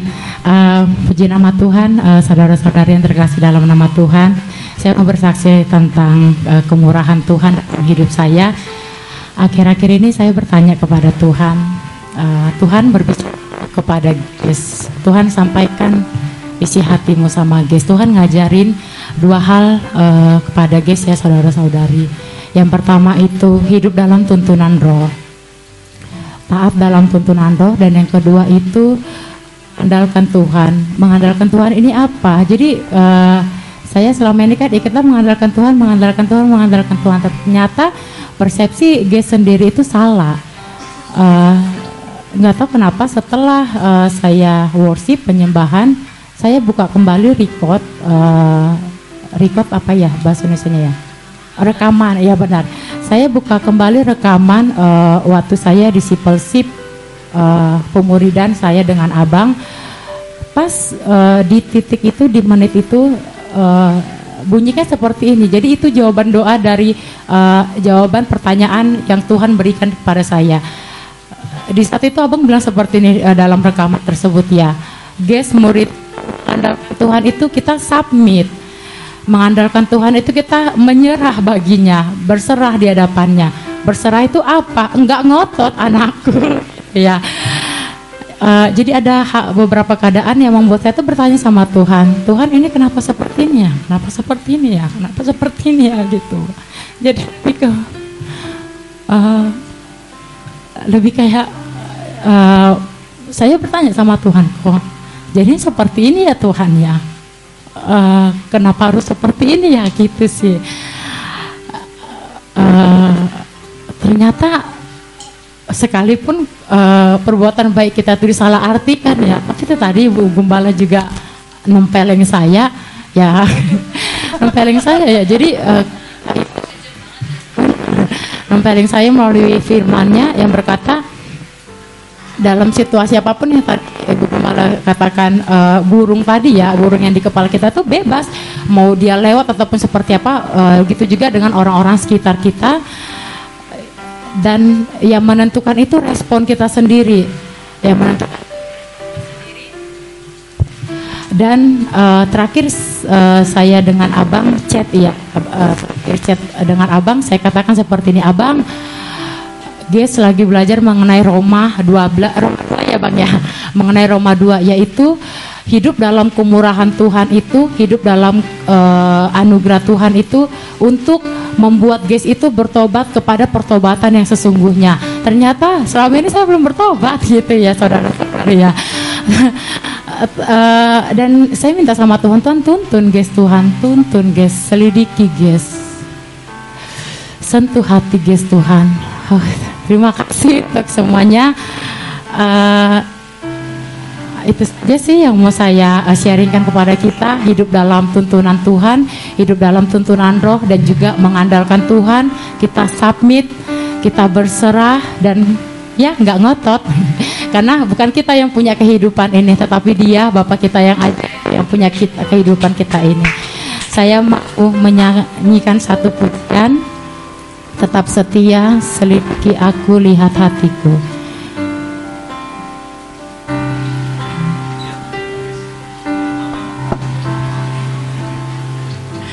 Selidiki aku Lihat hatiku Apakah ku sungguh mengasihimu?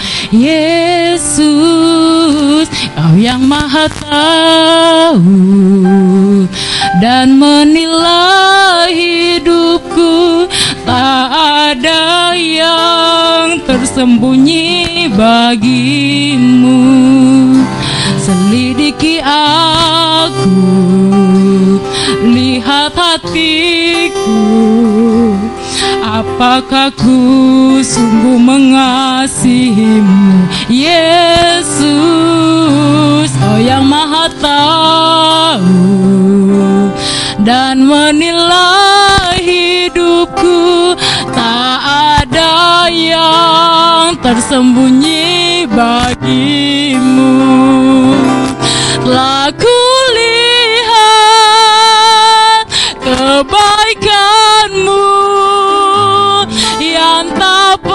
pernah habis di hidupku. Ku berjuang sampai akhirnya Kau dapati aku tetap setia.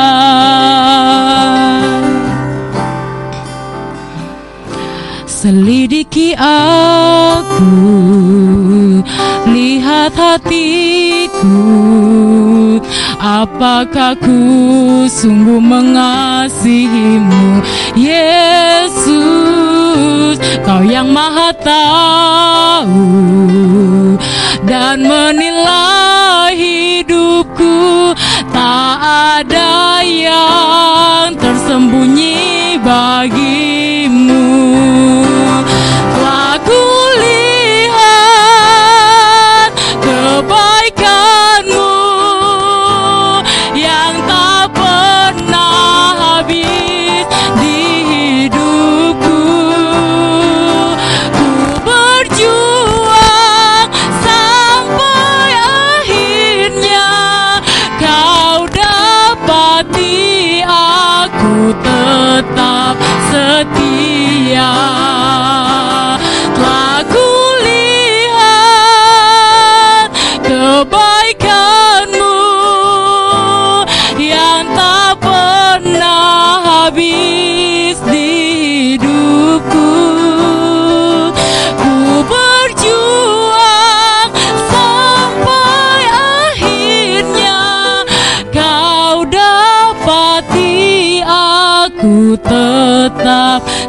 setia. Ku berjuang sampai akhirnya. Kau mampukan gestu tetap setia. Terima kasih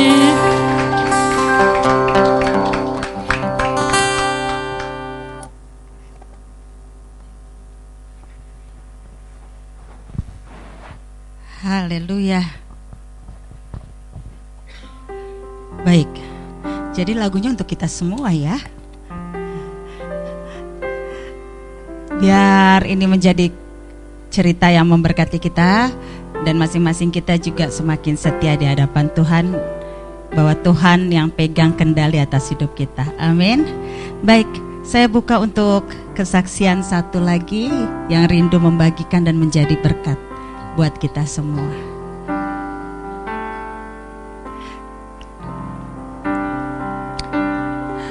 Ini nanti Bapak Gembala jadi bertanya-tanya. Di rumah saya, di gereja saya, dapat berkat Tuhan semua enggak nih? Atau masih malu-malu? Kayaknya bukan bukan ciri khas pimpinan abang deh kalau malu-malu nih. Ayo, mari saya berikan satu kesempatan lagi untuk membagikan kesaksian yang memberkati.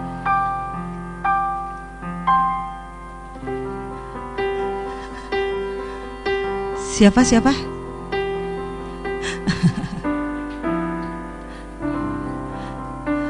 Haleluya. Karena nunggunya harus satu bulan lagi ya Kak Ani.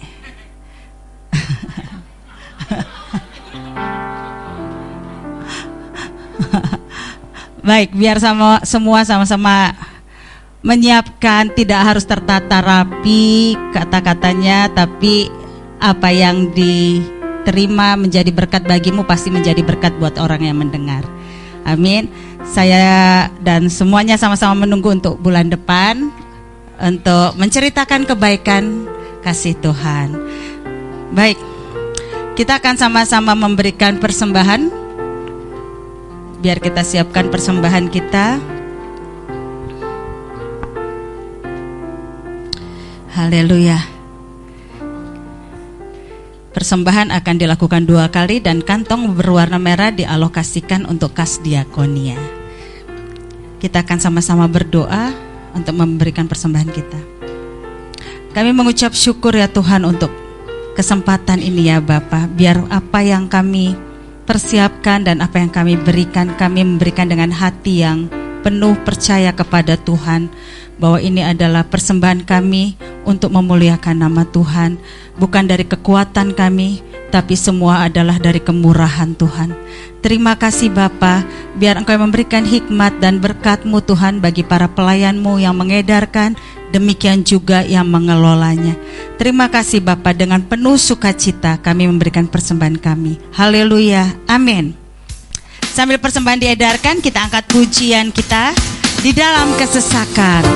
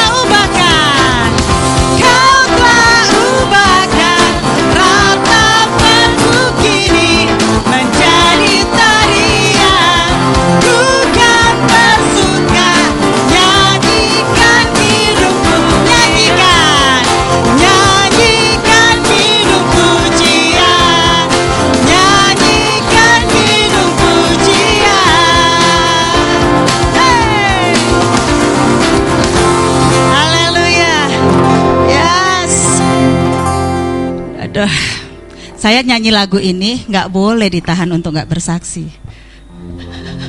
Orang Tuhan udah rubahkan ratapan jadi tarian. Saudara-saudara, bulan ini adalah bulan yang luar biasa bagi saya dan keluarga. Demikian juga bulan lalu dan bulan lalu. Jadi berseri ya. Tapi uh, seperti yang firman Tuhan sampaikan lewat Ibu Gembala tadi, kebenaran firman Tuhan di situlah kami berlari gitu. Kami hanya berlari ke firman. Kelihatannya rohani, enggak susah, susah. Air mata iya. Uh, tapi kami dibawa semakin dewasa untuk tidak saling menyakiti sesama pasangan. Kalau dulu kan nggak harus pakai panci saudara, nggak harus pakai piring. Kata-kata itu lebih sakit. Tapi yang saya mau ceritakan adalah dan kemarin itu adalah masa-masa yang saya betul-betul Tuhan tolong, saya cuma mau bahagia seperti tadi uh, nyanyian setelah firman, saya jadi teringat tadi. Saya bilang, saya cuma mau bahagia. Ternyata bahagia itu sederhana, saudara. Dalam badai Tuhan sertai, itu bahagia. Itu bahagia. Kadang kan bahagia orang liburan, ya nih, ibu-ibu, hmm, bakso, iya bener. Saya coba gitu, bawa anak-anak ke bakso. Tapi saya Tuhan saya mau bahagia, tolong saya dan langsung sukacita Tuhan itu penuh atas hidup saya. Benar ratapan jadi tarian yang membuat saya bisa kuat dan tersenyum lagi, melayani lagi Tuhan saya. Jadi yakinkan waktu engkau beserta dengan Tuhan, engkau sudah menari-nari dari semua ratapanmu. Amin. Haleluya. Mari kita bangkit berdiri. Saya percaya ibadah hari ini membawa kemerdekaan, kebebasan, kesembuhan bagi engkau dan saya. Haleluya. Kita akan sama-sama berdoa. Terima kasih Tuhan. Kami bisa berkata saat ini pada diri kami. Saya yang sekarang bukan lagi saya yang dulu. Saya yang mengerti saat ini betapa Tuhan sangat mengasihi saya saya mengerti apa kebutuhan saya untuk menghadapi semua beban, badai, tantangan yang ada di depan. Sungguh kebenaran firman-Mu saja Tuhan yang harus menjadi kekuatan dan sumber kehidupan bagi kami semua. Setiap kami pribadi lepas pribadi, ajari kami untuk submit, untuk Tuhan berada di bawah kakimu, mencintai hadiratmu membawa hidup kami semakin naik level dan menceritakan kemuliaan Tuhan. Terima kasih Bapa, terima kasih Tuhan. Saat ini kami juga berdoa Bapa bersatu hati bagi pemilik gedung tempat kami beribadah kepada keluarga Ibu Rini, Ibu Rini dan keluarga besar. Engkau ya Allah yang memberkati usaha dan pekerjaan yang mereka rintis Tuhan bahkan setiap event pameran yang akan berlangsung dan yang akan berlangsung di depan Engkau yang menyertai dan membawa berkatmu yang spesial bagi keluarga ini ya Bapak demikian juga bagi usaha mereka.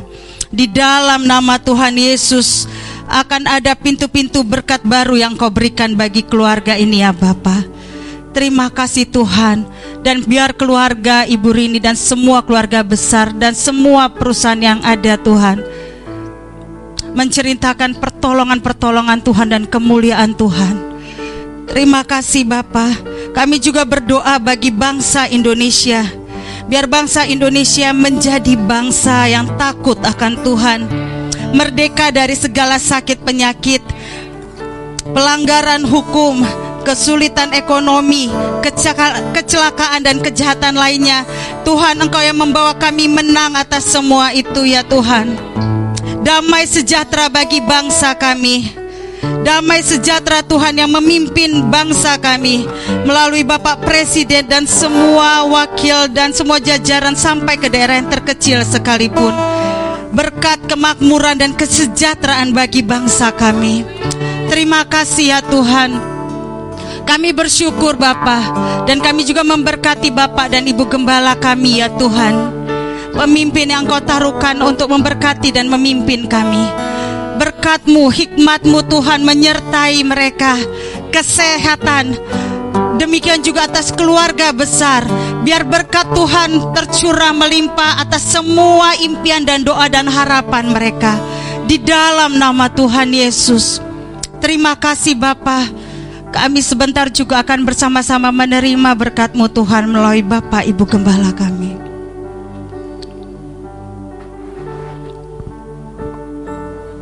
Berkat, mari kita akan terima berkat dari Tuhan.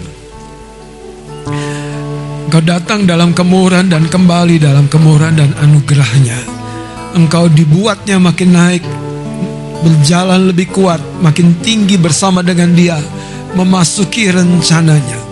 Kalaupun ada situasi-situasi yang berbeda dari harapanmu, percayalah Tuhan sedang melatih engkau jadi pribadi yang lebih tangguh, lebih berakar, lebih kokoh di dalam dia. Kiranya kasih karunia dari Allah dan Bapa di dalam surga kemurahannya yang tidak habis-habisnya. Melewati musim demi musim, engkau diberkatinya. Dan kiranya cinta kasih daripada Tuhan Yesus Kristus juru selamatmu, penebus, gembala bagi jiwamu yang dapat kau andalkan. Kiranya kasihnya terus melimpahi hati, pikiran dan perasaanmu. Dan kiranya persekutuan oleh roh kudus membuat engkau hari ini dan selama-lamanya terus berkemenangan di dalam dia engkau terus diubahkan dari kemuliaan sampai kepada kemuliaan yang lebih besar lagi. Terimalah berkat yang besar dan berlimpah ini di dalam nama Tuhan Yesus Kristus. Haleluya. Semua kita yang diberkati dan percaya katakan amin. Amin. Tuhan memberkati. Selamat hari Minggu Tuhan Yesus memberkati.